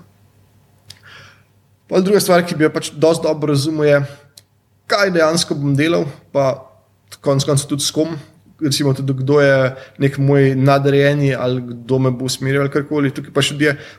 Pač to hočeš razumeti prvič, zato da ne pride do nekega neskladja s tem, kar ti pričakuješ, da boš delal, pa tem, kar boš dejansko delal. Ker je tudi tak, dosti pogost razlog, za katerega spet so podjetja ogromno krat slepa, je tisti, da tako pač velike si že. Ja, ne vem, smo nekoga zaposlili na začetku, je bil super, ampak tako po vem, šestih, osmih mesecih je pa pač dali bolj pad, začela padati produktivnost, pa se pač dali manj trud, ne vem, kaj je to, pač te mladi nimajo nobene delovne discipline. Tako. Ja, mogoče je to, ampak predvsem bolj verjetno je pa, da ste obljubljali nekaj, potem se izkaže pa, da ta človek dela nekaj popolnoma drugega, kar je pač pogosto in potem je popolnoma razumljivo, da kar nekaj način si se pač si se upekel, ali pa tudi tvoja pač motivacija ni bila motivacija za to, da ti pomagaš temu podjetju uspeti, ampak tvoja motivacija je bila, da pač delaš nekaj stvari, ki so ti zanimive. In pač tukaj se podjetja velikokrat obnašajo popolnoma pač sociopatsko, sebično. Ampak pač ja, zdaj ga poskusi biti za to pozoren, pa pač tukaj tudi malo filtrirati, a je nekaj pač tiste stvari, ki jih boš dejansko pač zadolžiti. Tudi malo ne vem. Ja, pač da, še simo, spet na nek način razumeti, kakšne so tudi tvoje možnosti napredovanja. Pa tukaj ne bi, ne zdaj tako pač, če, če tako vprašaš, bo verjetno boš dobil dosti nekaj nerešenih odgovorov. Ampak recimo dobro vprašanje so pa, ajš, a ti lahko recimo tisti, ki te intervjuvajo, pomagajo pač razumeti, recimo, kako lahko napreduješ čez nekaj milestone, pred koncem, kaj so pričakovanja. Rečemo, da jaz pač pridem kot nek junior marketing, rečemo za neko performance oglaševanje. In tako pač, kar bi mene bolj zanimalo, je, ok, ne vem po kolkem času bom lahko vodil prvo samostojno kampanjo, pa ne vem, mogoče pa bo to najprej prva samostojna kampanja v Sloveniji, potem bo to prva samostojna kampanja na parih trgih, pa ne vem, najprej bomo imeli budžet Jurija na mesec, potem bomo imeli budžet 10 ur na mesec in kako izgleda ta časovnica, kako se njim zdi, da bo za močnega kandidata izgledala ta časovnica. To ti pa spet pove, ali imajo te stvari dejansko razmišljene, ali je, je tukaj ta pot sploh. Je, je, je na mizi, ali je bolj tako, da iščejo nekoga, ki bo vedno pač efektivno deklica za vse, ki bo tam pripravil najbolj težavski del, pripravil glasov, delo pa pač ne vidijo, ne mislijo, da kamorkoli razvijati. To boš pač takoj veš. Pojdite tudi čisto, kakšne recimo imajo neke standarde, pa kaj pričakuje, kako je okolje. Pa tudi pol sam sebe lahko benchmarkiraš, ko začneš recimo delati, a si recimo približno tam ali ne, pa to so pa tudi neke dobre stvari, s katerimi se lahko pogovarjaš s svojim mentorjem, um, ki seveda je dobro, da ga dobiš.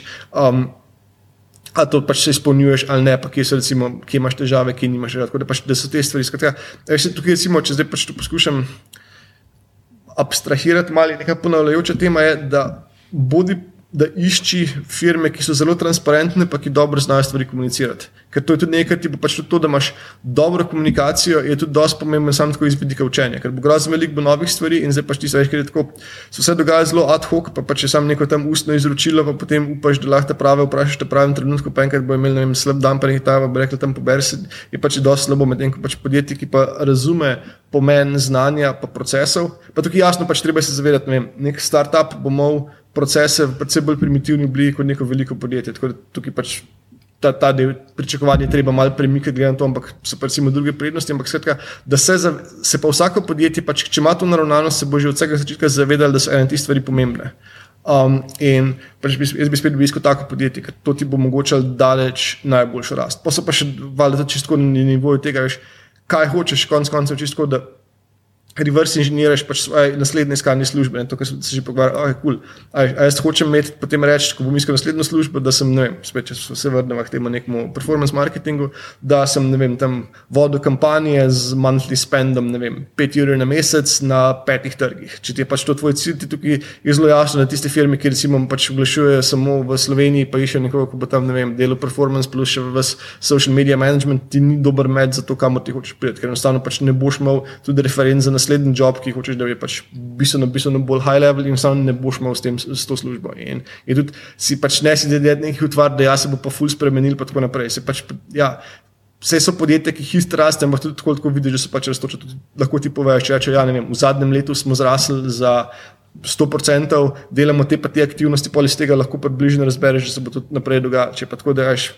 smo ostali bolj ali manj na istem, pa nekaj tista minimalna rast, ko bolj kot ne samo odslikuje, ne vem, inflacijo pa še mal, pa tudi se ne bo čudo že zgodil v naslednjem letu. Tudi če imajo neke velike plane, je to zelo tvegano, ker pač.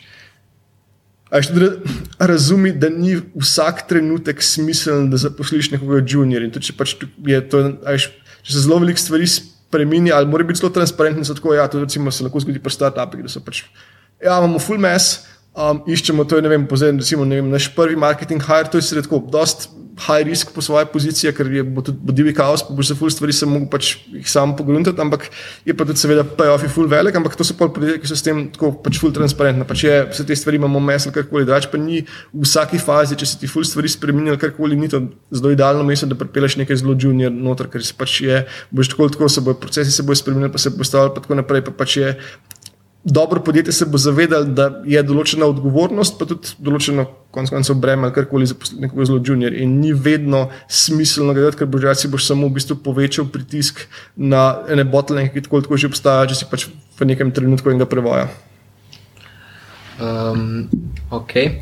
uh, na začetku smo se tako že menili, pa um, o hekovniku. Torej, to je nekaj, kar si ti ustvaril.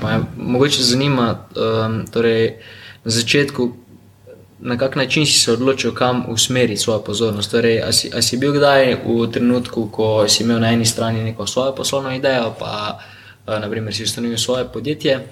Uh, in si imel možnost usmeriti noter fokus in delati na njemu, ga razvijati, na drugi strani pa si imel možnost delati v enem fuldobrem podjetju, uh, Um, in me zanima, če si se soočil s tako situacijo in na kak način razmišljaš o tem. Mogoče nekdo, ki ima dobro idejo in verjame, da bi lahko uspel, uh, na drugi strani pa ima mogoče možnost, da gre v podjetje, pa se tam nauči njihovih procesov.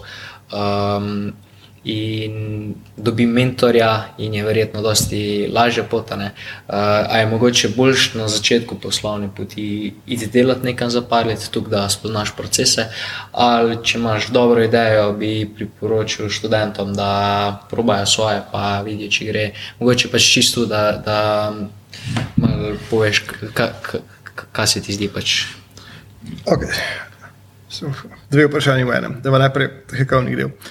Hekovnik sva s Kristjanom Pečancem ustanovila, tako v bistvu je ko nazaj gledam, in bil tak zelo um, idealističen vzgib, ampak idealističen na tak način, ko pravzaprav je več takih idealizmov, bi rebil. In to se zato, ker prvotna ideja je bila, da bova skupaj delala nek startup z, povezan z umetno inteligenco, da ga zelo splošno umetno inteligenco, ampak potem se je nekako zelo hitro izkazali, da seveda pač slovensko okolje sploh pač trkati. To je bilo to je pač, kaj, 2008, 2009, tam nekje pač predvsej nazaj. Um, da slovensko okolje pač trkati niti slučajno ni, pod, ni omogočeno nekaj takega startupa narediti. Pač najprej prva ideja je bila, da pobereva šila in kopita in greva v Silicijo v dolino, ker tudi se njemu tam že pač prazne povezave, ker je že eno startup zgodbo naredil tam nekaj let prej. Um, sam pol iz takšnih ali drugačnih razlogov, pa če strkrat nisem hotel iti v Ameriko, ker sem imel razne projekte tukaj in tako naprej. In pa je pa na neki točki pač prešil na to, okay, kaj pa če na mestu tega, če najprej zgradiva v Sloveniji okolje, ki bo potem nam omogočalo narediti startup, ki ga dejansko hočemo. Tako da hekovnik je, pač hekovnik je nastal popolnoma kot sredstvo za dosego nekega popolnoma druge cilja. Hkrati tudi to, kar je lepota tega, je bila, da je dal zelo jasen kriterij pač, tis, ko, sploh, ko si na začetku imaš ful to problem, ker je toliko možnih smeri, kjer greš tukaj, pa nekaj zelo jasen kriterij. A je to nekaj, kar na, pri, a, je, a smo, če to naredimo en korak bližje temu, da bo nastalo okolje, ki bi podpirali take neke zelo visokotehnološke start-upe ali ne. To je pač bil vse potem tudi hekal nekaj parkrat pivotiral, karkoli, neki točki smo hoteli biti, um, kot pospeševalnik, sem potem nikoli ni uspel nabrati dovolj velikega sklada, da bi to šlo, pa smo pa pivotirali, ne vem, v startup šola, pa pa kasneje, če dalje bolj kak, uh, se fokusirali na dejansko konzulting za neka raztoča podjetja ali karkoli, ampak ta zasnova pa se mi zdi, da še vedno, še zdaj pa še tako um, zelo čista in zelo lepa, pa tudi tukaj lahko, lahko kar s ponosom rečem, no, da ti stvari, ki smo jih tam delali, pa učili, smo bili definitivno prvi, ki smo te ideje prenesli v Slovenijo. Čeprav so pač tako, to je odlično, da so popolnoma široko sprejeti in jih vsi tako počnejo, ampak pač tistih 12 let nazaj pa je bila recimo pač sama startup mentaliteta popolnoma drugačna in smo tukaj. Je bil v precej pogledih tako dost culture shock, ko smo pač neke te ideje iz Silicijeve doline uvažali. Ne, ne bom rekel, da vedno uspešno, včasih smo bili mogoče malo preveč robati pa z glavo skozi, ampak vseeno pač neka semena so se zelo očitno zasadila, ker konec koncev tudi zdaj pač sedi v enem drugem pospeševalniku, ki pa, ja. mu je pač uspela tudi ta del z nabiranjem sklada. Kar se pa tiče druga tega vprašanja, ideja ali nekam, pa tako bi začel bi s tem, ideje se divje predsenjuje, pa so dejansko zelo, zelo poceni. Sama ideja pač ni dovolj. Zdaj, tukaj je vprašanje, ali greš takoj že na svoje ali ne, se za me sesede na tri stvari. A si dejansko pripravljen iti skozi vso. Um, v stres in bedo podjetnika na začetku, ker to pač je, to se je treba zavedati, da se dela grozno veliko stvari, ki niso zabavne, ki so zelo stresna in tako naprej. Pač je neki prvi koraki, sploh ko delaš te prvič, so neprijetni. Um, In je, je to neka smer, ali hočeš, ali je to dejansko del tvoje vizije, da pač si podjetnik. Najlažji test tega je to, da si samo full. Um, navezan na eno idejo, ali si bolj navezan na ta neko idejo tega, kot pač sam sebe, kot podjetnik. To pomeni, da se, se vidiš potem, da če ta ideja ne uspe, da bom pa, okay, cool, bom pa nekaj naslednjega šli delati, pa da hočeš tako, da, da vidiš, da boš svoj karieri, ne vem, ne, 4-5 podjetij. To je potem nek pokazatelj, da zna pa biti nekaj na tem, da pač to dejansko hočeš početi.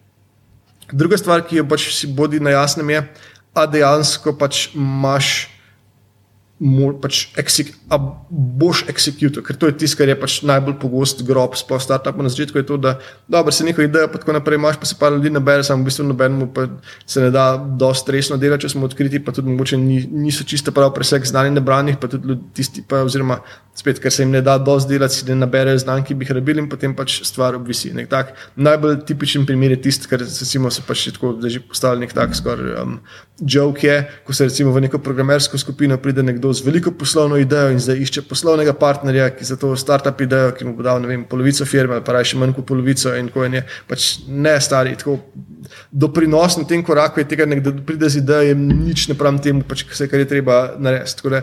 Če, pač, ja, če imaš idejo, pa znaš si nabrati ljudi, ali pa imaš tiste veščine, da prideš do zdaj reči čez, super. In tudi tukaj pač velja, da recimo dober podjetnik in tisti, ki je na neki poti, da ima precejšnje šanse, da uspe, bo tudi znal to premustiti. Recimo, vem, če se vrnemo k temu, imaš idejo za nek soft, efektivno softverski produkt, ne znaš programirati. Cool.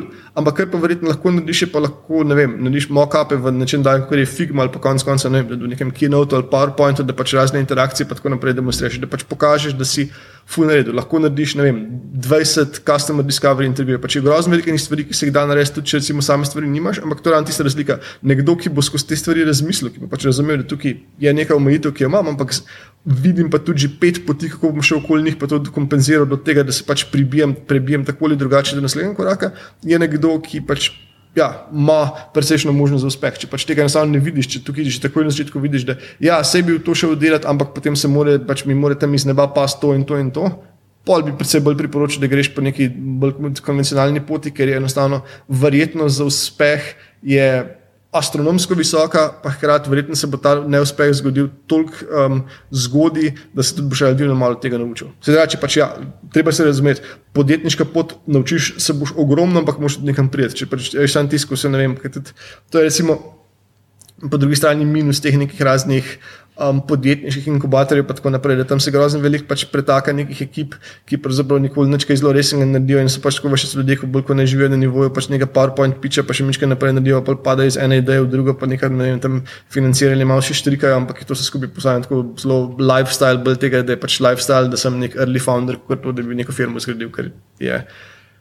Pač vse je v redu, ampak ne tukaj pričakovati, da se boš toliko naučil, kot bi se če dejansko peleš neko podjetniško zgodbo skozi. Um, In tretji še pač ta element, ki se mi zdi, da je dosti pomemben pri razmisleku, ali grem svojo pot ali ne. Ja, ok, kul, cool, pač idejo imam, mislim, da je executam lahko v redu, ampak potem imam tudi nekaj, kar me dela drugačnega. Zdaj, imaš neko ne vem, razumevanje trga ali pa na to, ko se pogovarjaš, da pač imaš vem, par stebrov veščin pa znanj, ki jih skupaj sestavljaš, da si do neke mere drugačen od tega, kar je veliko konkurence. Um, in zdaj, Hkrati ne preveč tudi obremenjuješ s konkurenco, ker se vedno pač neka konkurenca obstaja, ampak vseeno lahko pač ponudiš neko novo videnje na stvari, pa se tega na drugačen način lotiš. Ne toliko mogoče tudi zaradi teh, ki so že obstajajo, ampak bolj si jih, ki pridejo za tabo. Pač, a s tem, kar pač delaš, imaš nek um, mod. Ki preprečuje, da bo nekdo prišel, pa te bo prehitil do zadaj. To je tisto, kar je ključni problem. Načeloma se ljudje ful preveč obremenjujejo s tem, kaj dela konkurenca. To je tako, da je to. Um, Peter Thiel ima krasno misel glede tega v svoji knjigi Zero to One, ki pravi: Competition is for losers.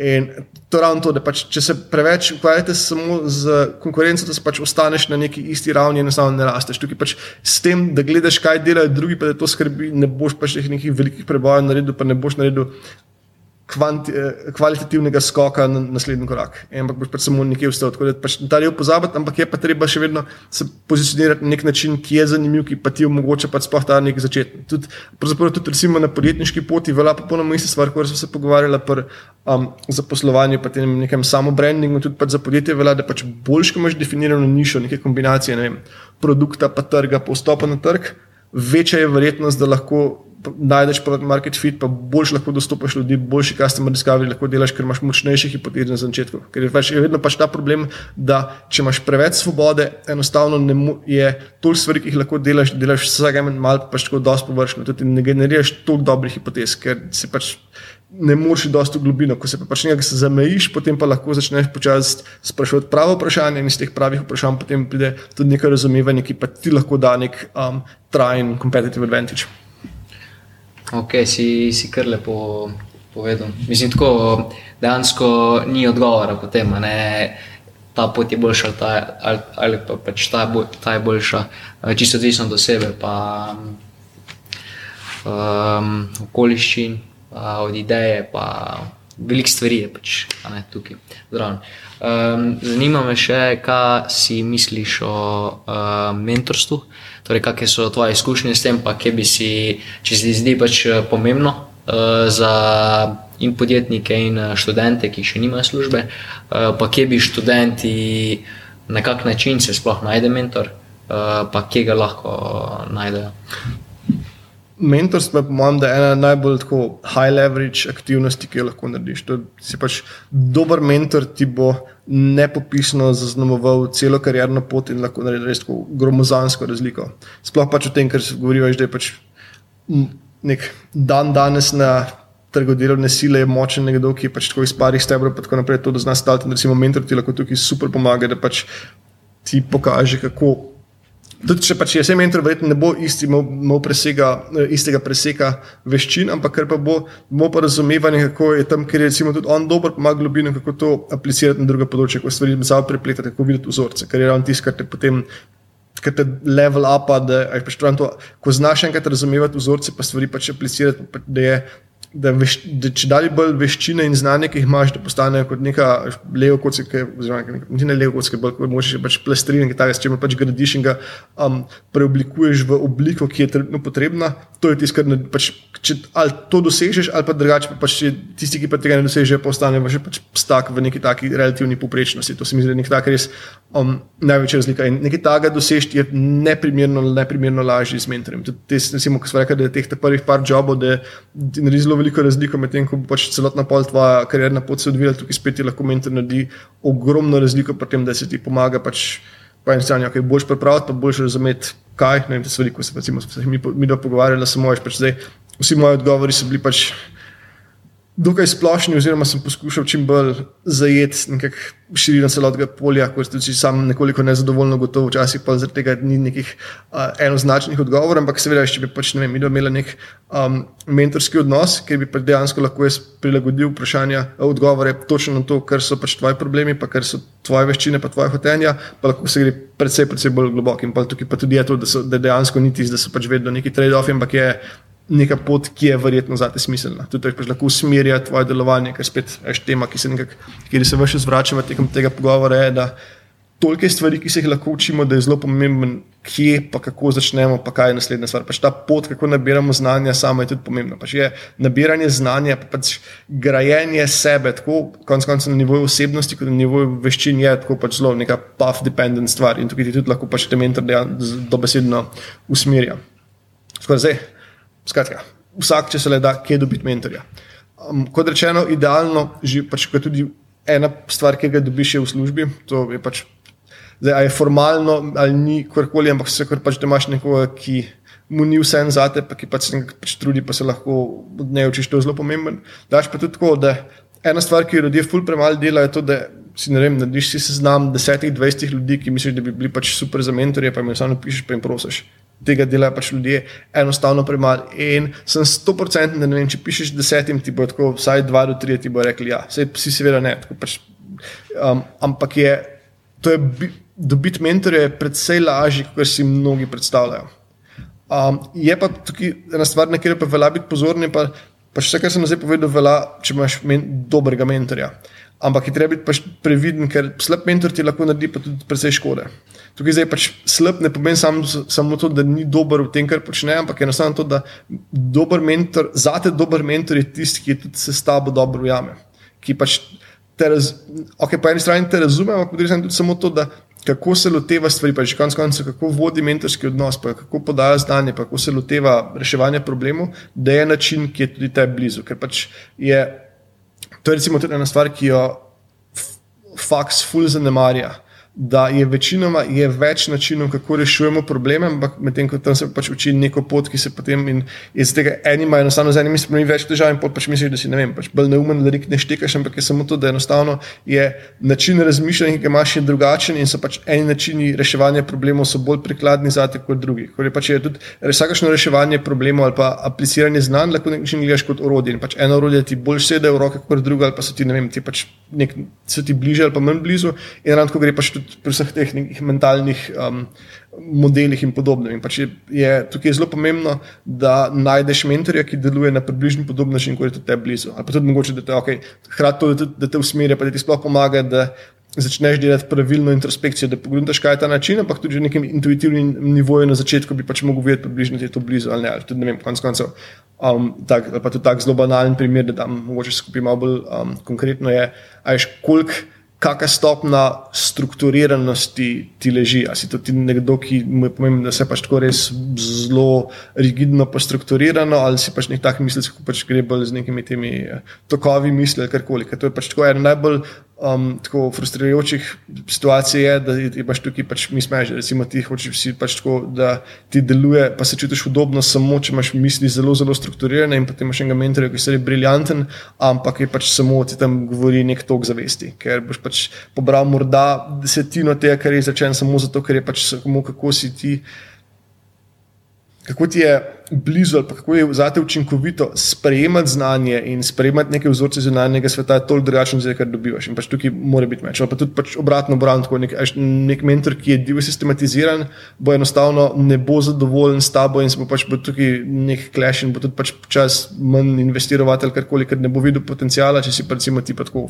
full neurejen mislec. Pa to ne pomeni, da pač je koli en način boljši ali pa slabši, ampak samo pomembno je, da tukaj je neka skladnost.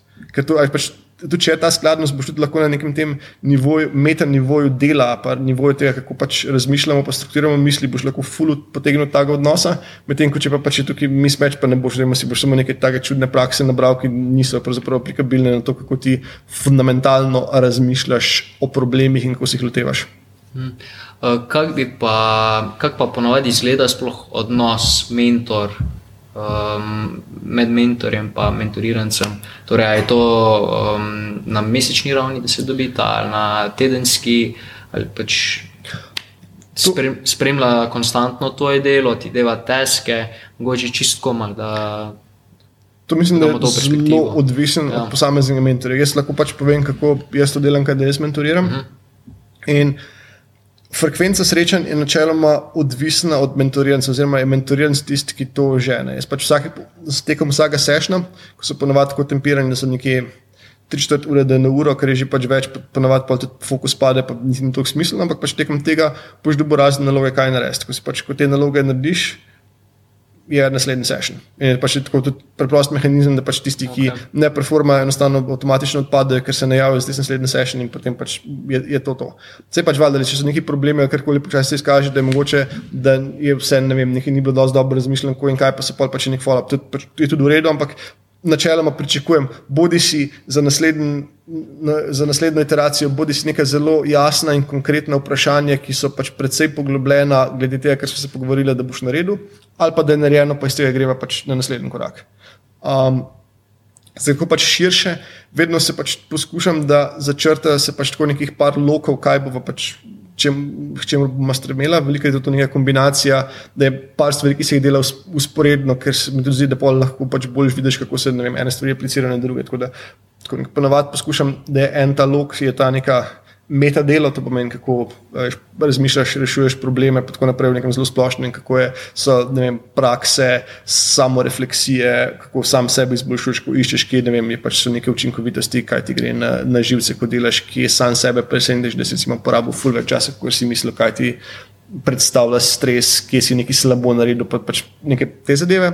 Um, drug tak log bo pa neke konkretne veščine ali pa razumevanje, ki hočeš narediti, um, ki bo večinoma pač tudi ne maram, recimo, aj, da bi samo pač bilo, da bi me prišel, že jaz bi pa jaz rad postal full dobro v vem, analitiki, to, kar se meni tiče, pač ni good enough. Tukaj pač stremim k temu, da imaš, lahko ti pač to pomagam, tega prije to ni problem, ampak da imaš zelo konkretno, veš kaj, kaj če rečeš dobro v analitiki, tako tudi konec koncev ni merljivo, ni nekaj jasnega cut-offa, pa če nimaš tistega močnega accountability, je tudi pol konec koncev, tudi te neke razne feedback iz tvoje aktivnosti so pač precej težje. Ampak, kaj, da, če imaš pa nek konkreten problem, kaj hočeš narediti, je pa precej lažje in potem tudi, kaj delaš, lahko gre v to smer. Ravno En dosti pomembna stvar pač mentorja je to, da, da zna dosti dobro pač preklapljati med tem, kdaj je tu širino, pa kdaj je tu globino. Ampak, če, ampak to lahko pride v igro samo, če to, kar, kar zasledujemo, zastavljeno tako, da pač omogoča to dinamiko. Če se mi že od začetka reče, da je kul, bomo zasledovali, bo samo neko zelo, zelo natančno določeno pač vertikalo, neke veščine, potem pač enostavno ni toliko teh priložnosti, da tukaj pač gremo v širino. In ne vem, recimo, kadar. Uh, mentoriram kakšne podjetnike, zelo pogosto je, ne vem, en tak stran smer, ko bo nekaj nastopila, je kul, cool, bom prišel do tega, da delamo pa razne customer discovery intervjuje, pa se pa malo o tem pogovarja, pa če to naresiš, pa na nekem, ne vem, neki točki bo potem, kako delamo strateško pozicioniranje, pa potem go into market strategija, pa potem product market, pa tako ful enih tem se odpira, ki so vse pač samo v loku tega, da ok, zdaj pač ne vem, ti že imaš neki produkt ali ali karkoli, ki bi jo pač rad pripeljal na trg ali karkoli. Je, je, to je predvsej boljši cilj, kot samo v nečem hočem biti boljši ali pa tudi vem, v kontekstu ali službe ali nekih projektov, ampak načeloma to je enako stvar, kot tudi prej, ko sem že rekel, tudi konec koncev za pričakovanje v službi. Pač vedno si je dobro postavljati neke izmerljive, pa jasne cilje. Veš, da potem, ko nazaj pogledaš, lahko zelo rečeš, to se je zgodilo ali pa se ni zgodilo. Ne, tako pač neki po feelingu, pa nekaj to široko siva cona, ko malo je, malo ni, ampak ne bo jasno, ker pa si oba dva predvsej bolj. Nam je jasno, kje smo, kako napredujemo, pa kje so neke, ajš pač nastanejo problemi. Okay. Uh, del, uh, omenil si prej, da dosti dela opravljaš remotely. Um, pa me zanima, nasplošno, kako izgleda tvoj delovnik, um, naprimer, kuk, um, koliko ur dnevno približno uh, posvetiš delu, uh, pa če imaš mogoče kakšne um, tipe pri delu, uh, ker um, opazil sem, da se dosta ljudi um, pri uh, delu pač od doma ne znajde, torej da se ne morejo sfokusirati, kot, kot se lahko, naprimer, v službi, um, da je veliko distrakcij okoli, da niso navajeni tudi doma delati. Pa mogoče, če imaš, um, če bi lahko malo opisal, kako se ti. Um, Um, na kak način pri tebi poteka delo, um, in če imaš kakšne produktivnosti, heke za reči, ali pa um, pač, kako se lotiti v bistvu how to stop your procrastination? Okay. Moram začeti s tem, da tako, na kakšnem koli osebnem nivoju sem jaz grozno, grozno um, kaotičen in neorganiziran, kar kdorkoli me pozna, lahko potrdi vsega srca. Da, um, nisem tukaj najbolj svet zgled za to. Pač, nekak, ampak sem, do zdaj sem že najdel pač mir s tem in enostavno se pač je moja metoda. Um, To vzamem v zakup in tako naprej, da pač tudi v tej kaotičnosti sem lahko vsaj domišljam, si zelo produktiven. Um, Stalnico dneva imamo v bistvu malo, verjetno najbolj pomembna stalnica je to, da zjutraj načeloma si vzamem tam med 3-4 ure do 1 uro časa, da, da počasi pijem čaj in berem. To je, pač, to je tisto, s čimer se bo začel tako, ne vem, 90% mojih jutr, ostalo pa potem, kot rečeno, je dokaj kaotično. Ampak, recimo, dva neka konstrenta, ki sta pa dosti pomembna, je pa to, da Treba se zavedati, da za ene stvari, to se ne velja za vse, za vse, kar delam, ampak so pač mnogo področja dela, kar, karkoli, ne vem, če programiram ali nekaj takega, je, da, da, pač, da delaš ta deep work.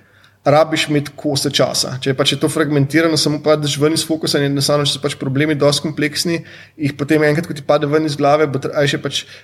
So eni problemi, ki jih rešujem, ko vem, da rabim tako, ne vem, 20 minut ali pa mogoče tudi včasih 40 minut tega, da samo si v v glavo naložim vse stvari, na katere dejansko moram misliti, da sploh lahko postanem produktiven. To pomeni, da pač ena stvar, ki mi je pomembna, je, da ko delam, imam kose ko delam, ki, ko nima motenj. Tako da sem recimo pač nekdo, ki ima absolutno vse notifikacije izklopljene, vedno na telefonu, na računalniku ali karkoli je pač je. Vse samo, kadar se jaz odločim nekaj pogledati, neč pač ni, da bi me zunani svet narekoval. Ravno zaradi tega, da kadar pač padem v nek ta v flow, pa da nek ta kos rešujem, da si lahko vzamem ta čas, da je. To pač seveda prinese določene mere tudi še dodatne kaotičnosti, ker potem se stvari premikajo in ne vem, pač, ja, nisem recimo nekdo, ki bi jedel ob fiksnih urah ali karkoli, ampak je pač, ja, če zdaj delam, bom pa se skupaj malo nazaj poril. Kot rečeno, ne to vzeti kot suho zlato, ker je pač zelo specifično za moje disfunkcionalnosti. Um, druga taka pomembna stvar je, da to sem globoko prepričan, da ljudje imamo tam nekje med 4 do 6 produktivnih ur vse. Vse ostalo, kar že potem divje pade. Tudi, recimo, kadar vodim razne ekipe, pač tudi to nekako moje pričakovanje tega, da boš imel tam 4 do 6 ur. In kar vidim kot eno svojih glavnih nalog, kot vodja je, da ti pomagam pri tem, da pa dejansko konsistentno teh šest ur dosežeš, pa tudi z najmanj uloženega časa. Pač nočem, da ne vem, traja 16 ali pa ne, ne 12 ali pa nekaj takega ur, da z tistih 4 ur pač ne bereš, ko so produktivne, ampak je ravno, ker recimo je pač velik tega njega. Um, raziskovanja in izboljševanja metadela, ki ga recimo počnem, kadar vodim ekipe ali kot mentoriram, tako pač on the job, je ravno to, da iščemo neke te učinkovitosti, pa tako naprej, ki pač povzročajo, da ta razkorak med tem, koliko dejansko vložim časa, pa kaj je v čas, ki sem produktiven. In isto pričakovanje imam tudi od sebe, da v končni fazi tisto, kar bo res tako produktivno, bo tam nekje 4 do 6 ur, velikrat tudi pač še manj, s tem si je pač treba sprijazniti. Um, Tako da tukaj pač tudi, mislim, ja, imam se, ne vem, toliko pač delam v rokavicah sam sabo, da se, se bom zelo redko pač tisti, da bi, ne vem, tam nekaj tako divje maratonske ali karkoli. Sej tu in tam je že treba, ampak pač na srečo se izkaže, da potem, pač, ko si že malo naprej v življenju, imaš pač ta luksus, da večinoma lahko temu rečeš ne, oziroma se izkaže, da to pač ali bolj pol postane stvar neke izbire, morda je implicitna zbira, ampak še vedno lahko stvari drugače organiziraš in tega ne počneš. In vem, da ima pač to zelo pomemben vpliv na moje celotno zadovoljstvo, pa tudi na produktivnost na neki večji ravni, če pač tega ne počnem. Ja, se lahko pač tam stisneš, pa ne vem, delaš 12 ur, pa delaš all nighter, pa ni tako, pa si ti mogoče si takrat nekaj naredil, ampak dejansko to bo potem, to pač je samo na kredit, ki ga boš potem odplačeval z nižjo produktivnostjo celoten naslednji teden, pa pač skrat s tem boš toliko bolj utrujen, pa nasplošno nezadovoljen, karkoli. Tako da to je pač vse. Tu in tam je neizogibno, ampak dejansko trenutkov, ko je pa to potrebno, je pa dokaj malo in je pač zdaj je s tem smiselno biti previden. Tukaj vem, da recimo pač študentska izkušnja je dokaj kontra temu, ker se pač seveda vsi vedno pač učimo v zadnjem trenutku in pa pač neki dolgi bloki, ker Ok, ampak ne zato, da pač propagiram to, redno se učite, pa to, ker to je jasno, da ne bo noben počel, ampak bolje poanta v tem, da ne prenes tega vzorca potem tudi v službo, ker pač na dolgi rok pa ne deluje in je to krasen recept um, za burnout.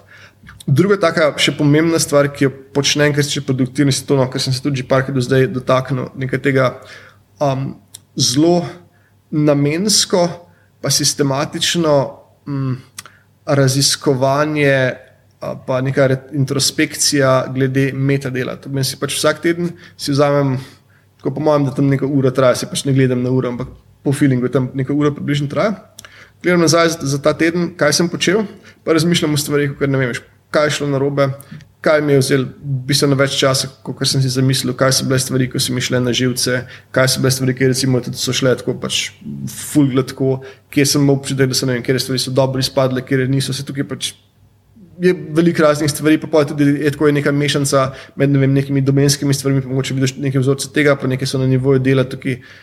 Tudi sem ugotovil, da je ful preveč strok, ni dobro biti tukaj, da je pač, tudi, če ti malo misli odplavajo razne smeri, se, pač se izkaže, da je dosto uporaben pristop, kljub vsemu, ker pač je to nek trenutek, pa sploh pol, ko se ga enkrat navadiš, pa se v to utečeš. Je to nek trenutek, ko je zelo veliko nekih novih vzorcev, vidiš pa stvari začneš med sabo povezati. Ampak pač to je neka praksa, ki sem 100%, ne samo da iz, na nek daljši rok izvečuje mojo produktivnost, ampak tudi um, me enostavno dela pač boljšega v tem, kar počnem, ker pridem do raznih pogledov. In spoznam, do kjer je drugačne prišel. Tako da neko tako prakso vzpostaviti je tudi zelo pomembno. Pa se vem, da tako na svetu je pač malo težko, pa se zdi neumno, ker je spet, recimo, vem, to je ena stvar, ki sem jo mi je vtisnil pač moj mentor, pred menim Kristjan, ko sem skupaj ustanovil Hekovnik, ko sem pač od njega nabral. Pa tudi, tako, ja, pač sem, v retrospektivi bi si želel, da bi se tega ful bolj sistematično še precej prej, ker sem pač to vedel, pa sem tako občasno počel, kot tega, da sem to, je začel globoko delati, je precej čas trajal. Se zavedam, da je isti problem točno zdaj, jaz pač to govorim, poslušate, pa tako se po eni strani zgleda pač tako zanimivo, pa malo probaš, pa nekaj takošnjega učinka ni, nekih dobrih feedback loopov tukaj tudi ni, oziroma so dosti tako razmazani in pa je pač to prakse, ki je dosti težko držati. In tukaj recimo je pač, ja, mentor je super, ker ti pač ta accountability od tebe terja, da to res počneš, ker se pa lahko tudi o teh stvarih pogovarjaš. Ampak je pa aktivnost, ki dejansko na dolgi rok naredi full razlike.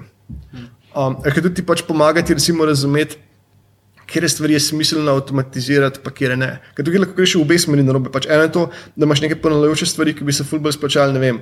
Ali tam dati, ne vem, 10 dolarjev na mesec za nek SAS, ko bi to delali, karkoli pač nekaj rešiti ali pač nek programček.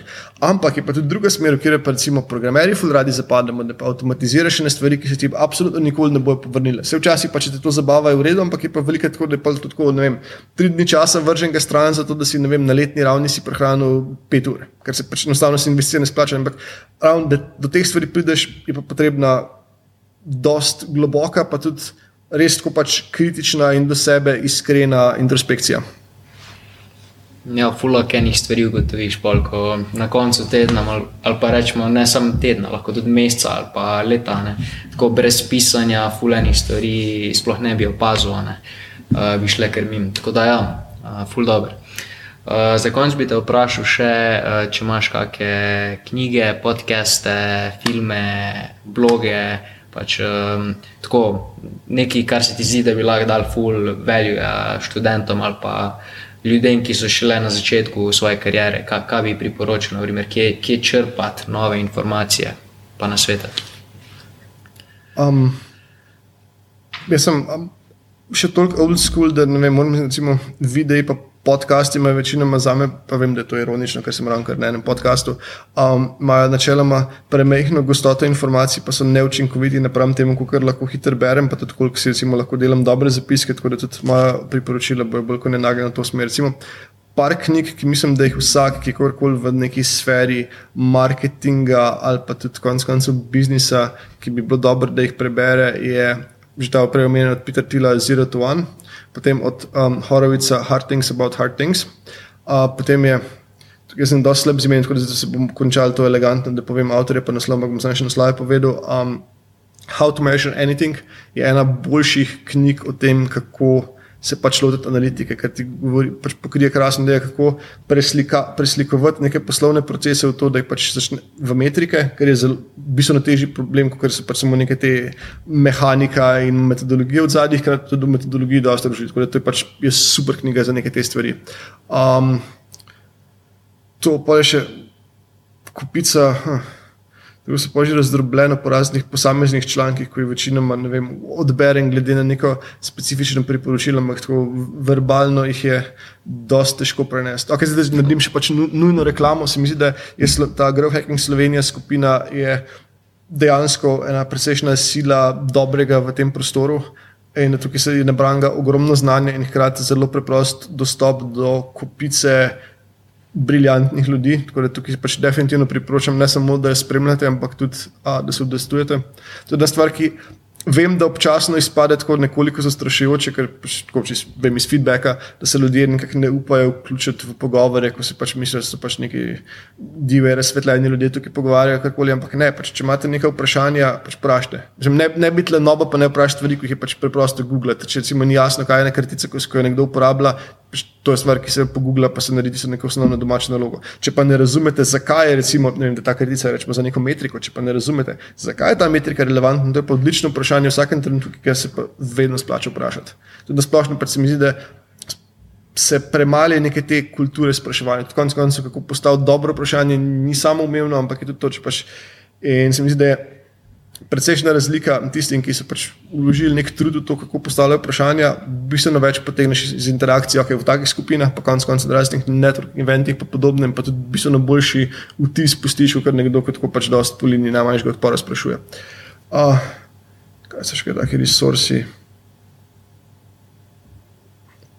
Vem, še tako mogoče pač širše ena knjiga, ki je meni recimo precej ljuba. Ne mislim, da je kakorkoli zelo aplikabilna, ampak je pa tako um, hkrati dostopna, ampak dobro razgibavanje um, možganov je Gedel Escherbach od Hofstedrja, ki je tudi tako. Vsakemu priporočam za branje. Se mi zdi, da je pač to je pomembno, da ne pademo preveč v to past, da je nek tak popoln cinizem pri tem, da beremo samo stvari, ki mislimo, da so pomembne. Ker, ker se tudi izkaže. To je bolj filozofska knjiga. Mm nekak presek med filozofijo, matematiko, umetnostjo, tudi malo računalništva, mm. logiko. No, to pa še nisem slišal. Tako razmazano, ampak je izvrstna knjiga. Ampak širša poanta tukaj je pa to. Ne se pa preveč obremenjevati s kakšnimi koli specifičnimi knjigami, pa pač to brati, zato ker mislim, da morate. Ker je predvsej ljudi poznam kot tako, na papirju zgleda, da so tako divji, divji bralci, berejo ogromno knjig, vse to, kar je trenutno pač latest in greatest, preberejo. Ampak ker bolj ko ne berejo, zato ker mislijo, da je to dobro, da preberejo ali pa nekaj takega, se potem od teh knjig odnesejo bistveno manj časa, kot nekdo, ki pač bere stvari, ki ga dejansko zanimajo. In zato je tukaj pač smisel najti neko ravnovesje, pa razumeti, da okay, so ene stvari, ki so mi dejansko zanimive in jih iz pač vsega srca z veseljem berem in tam se pač splača iti v globino.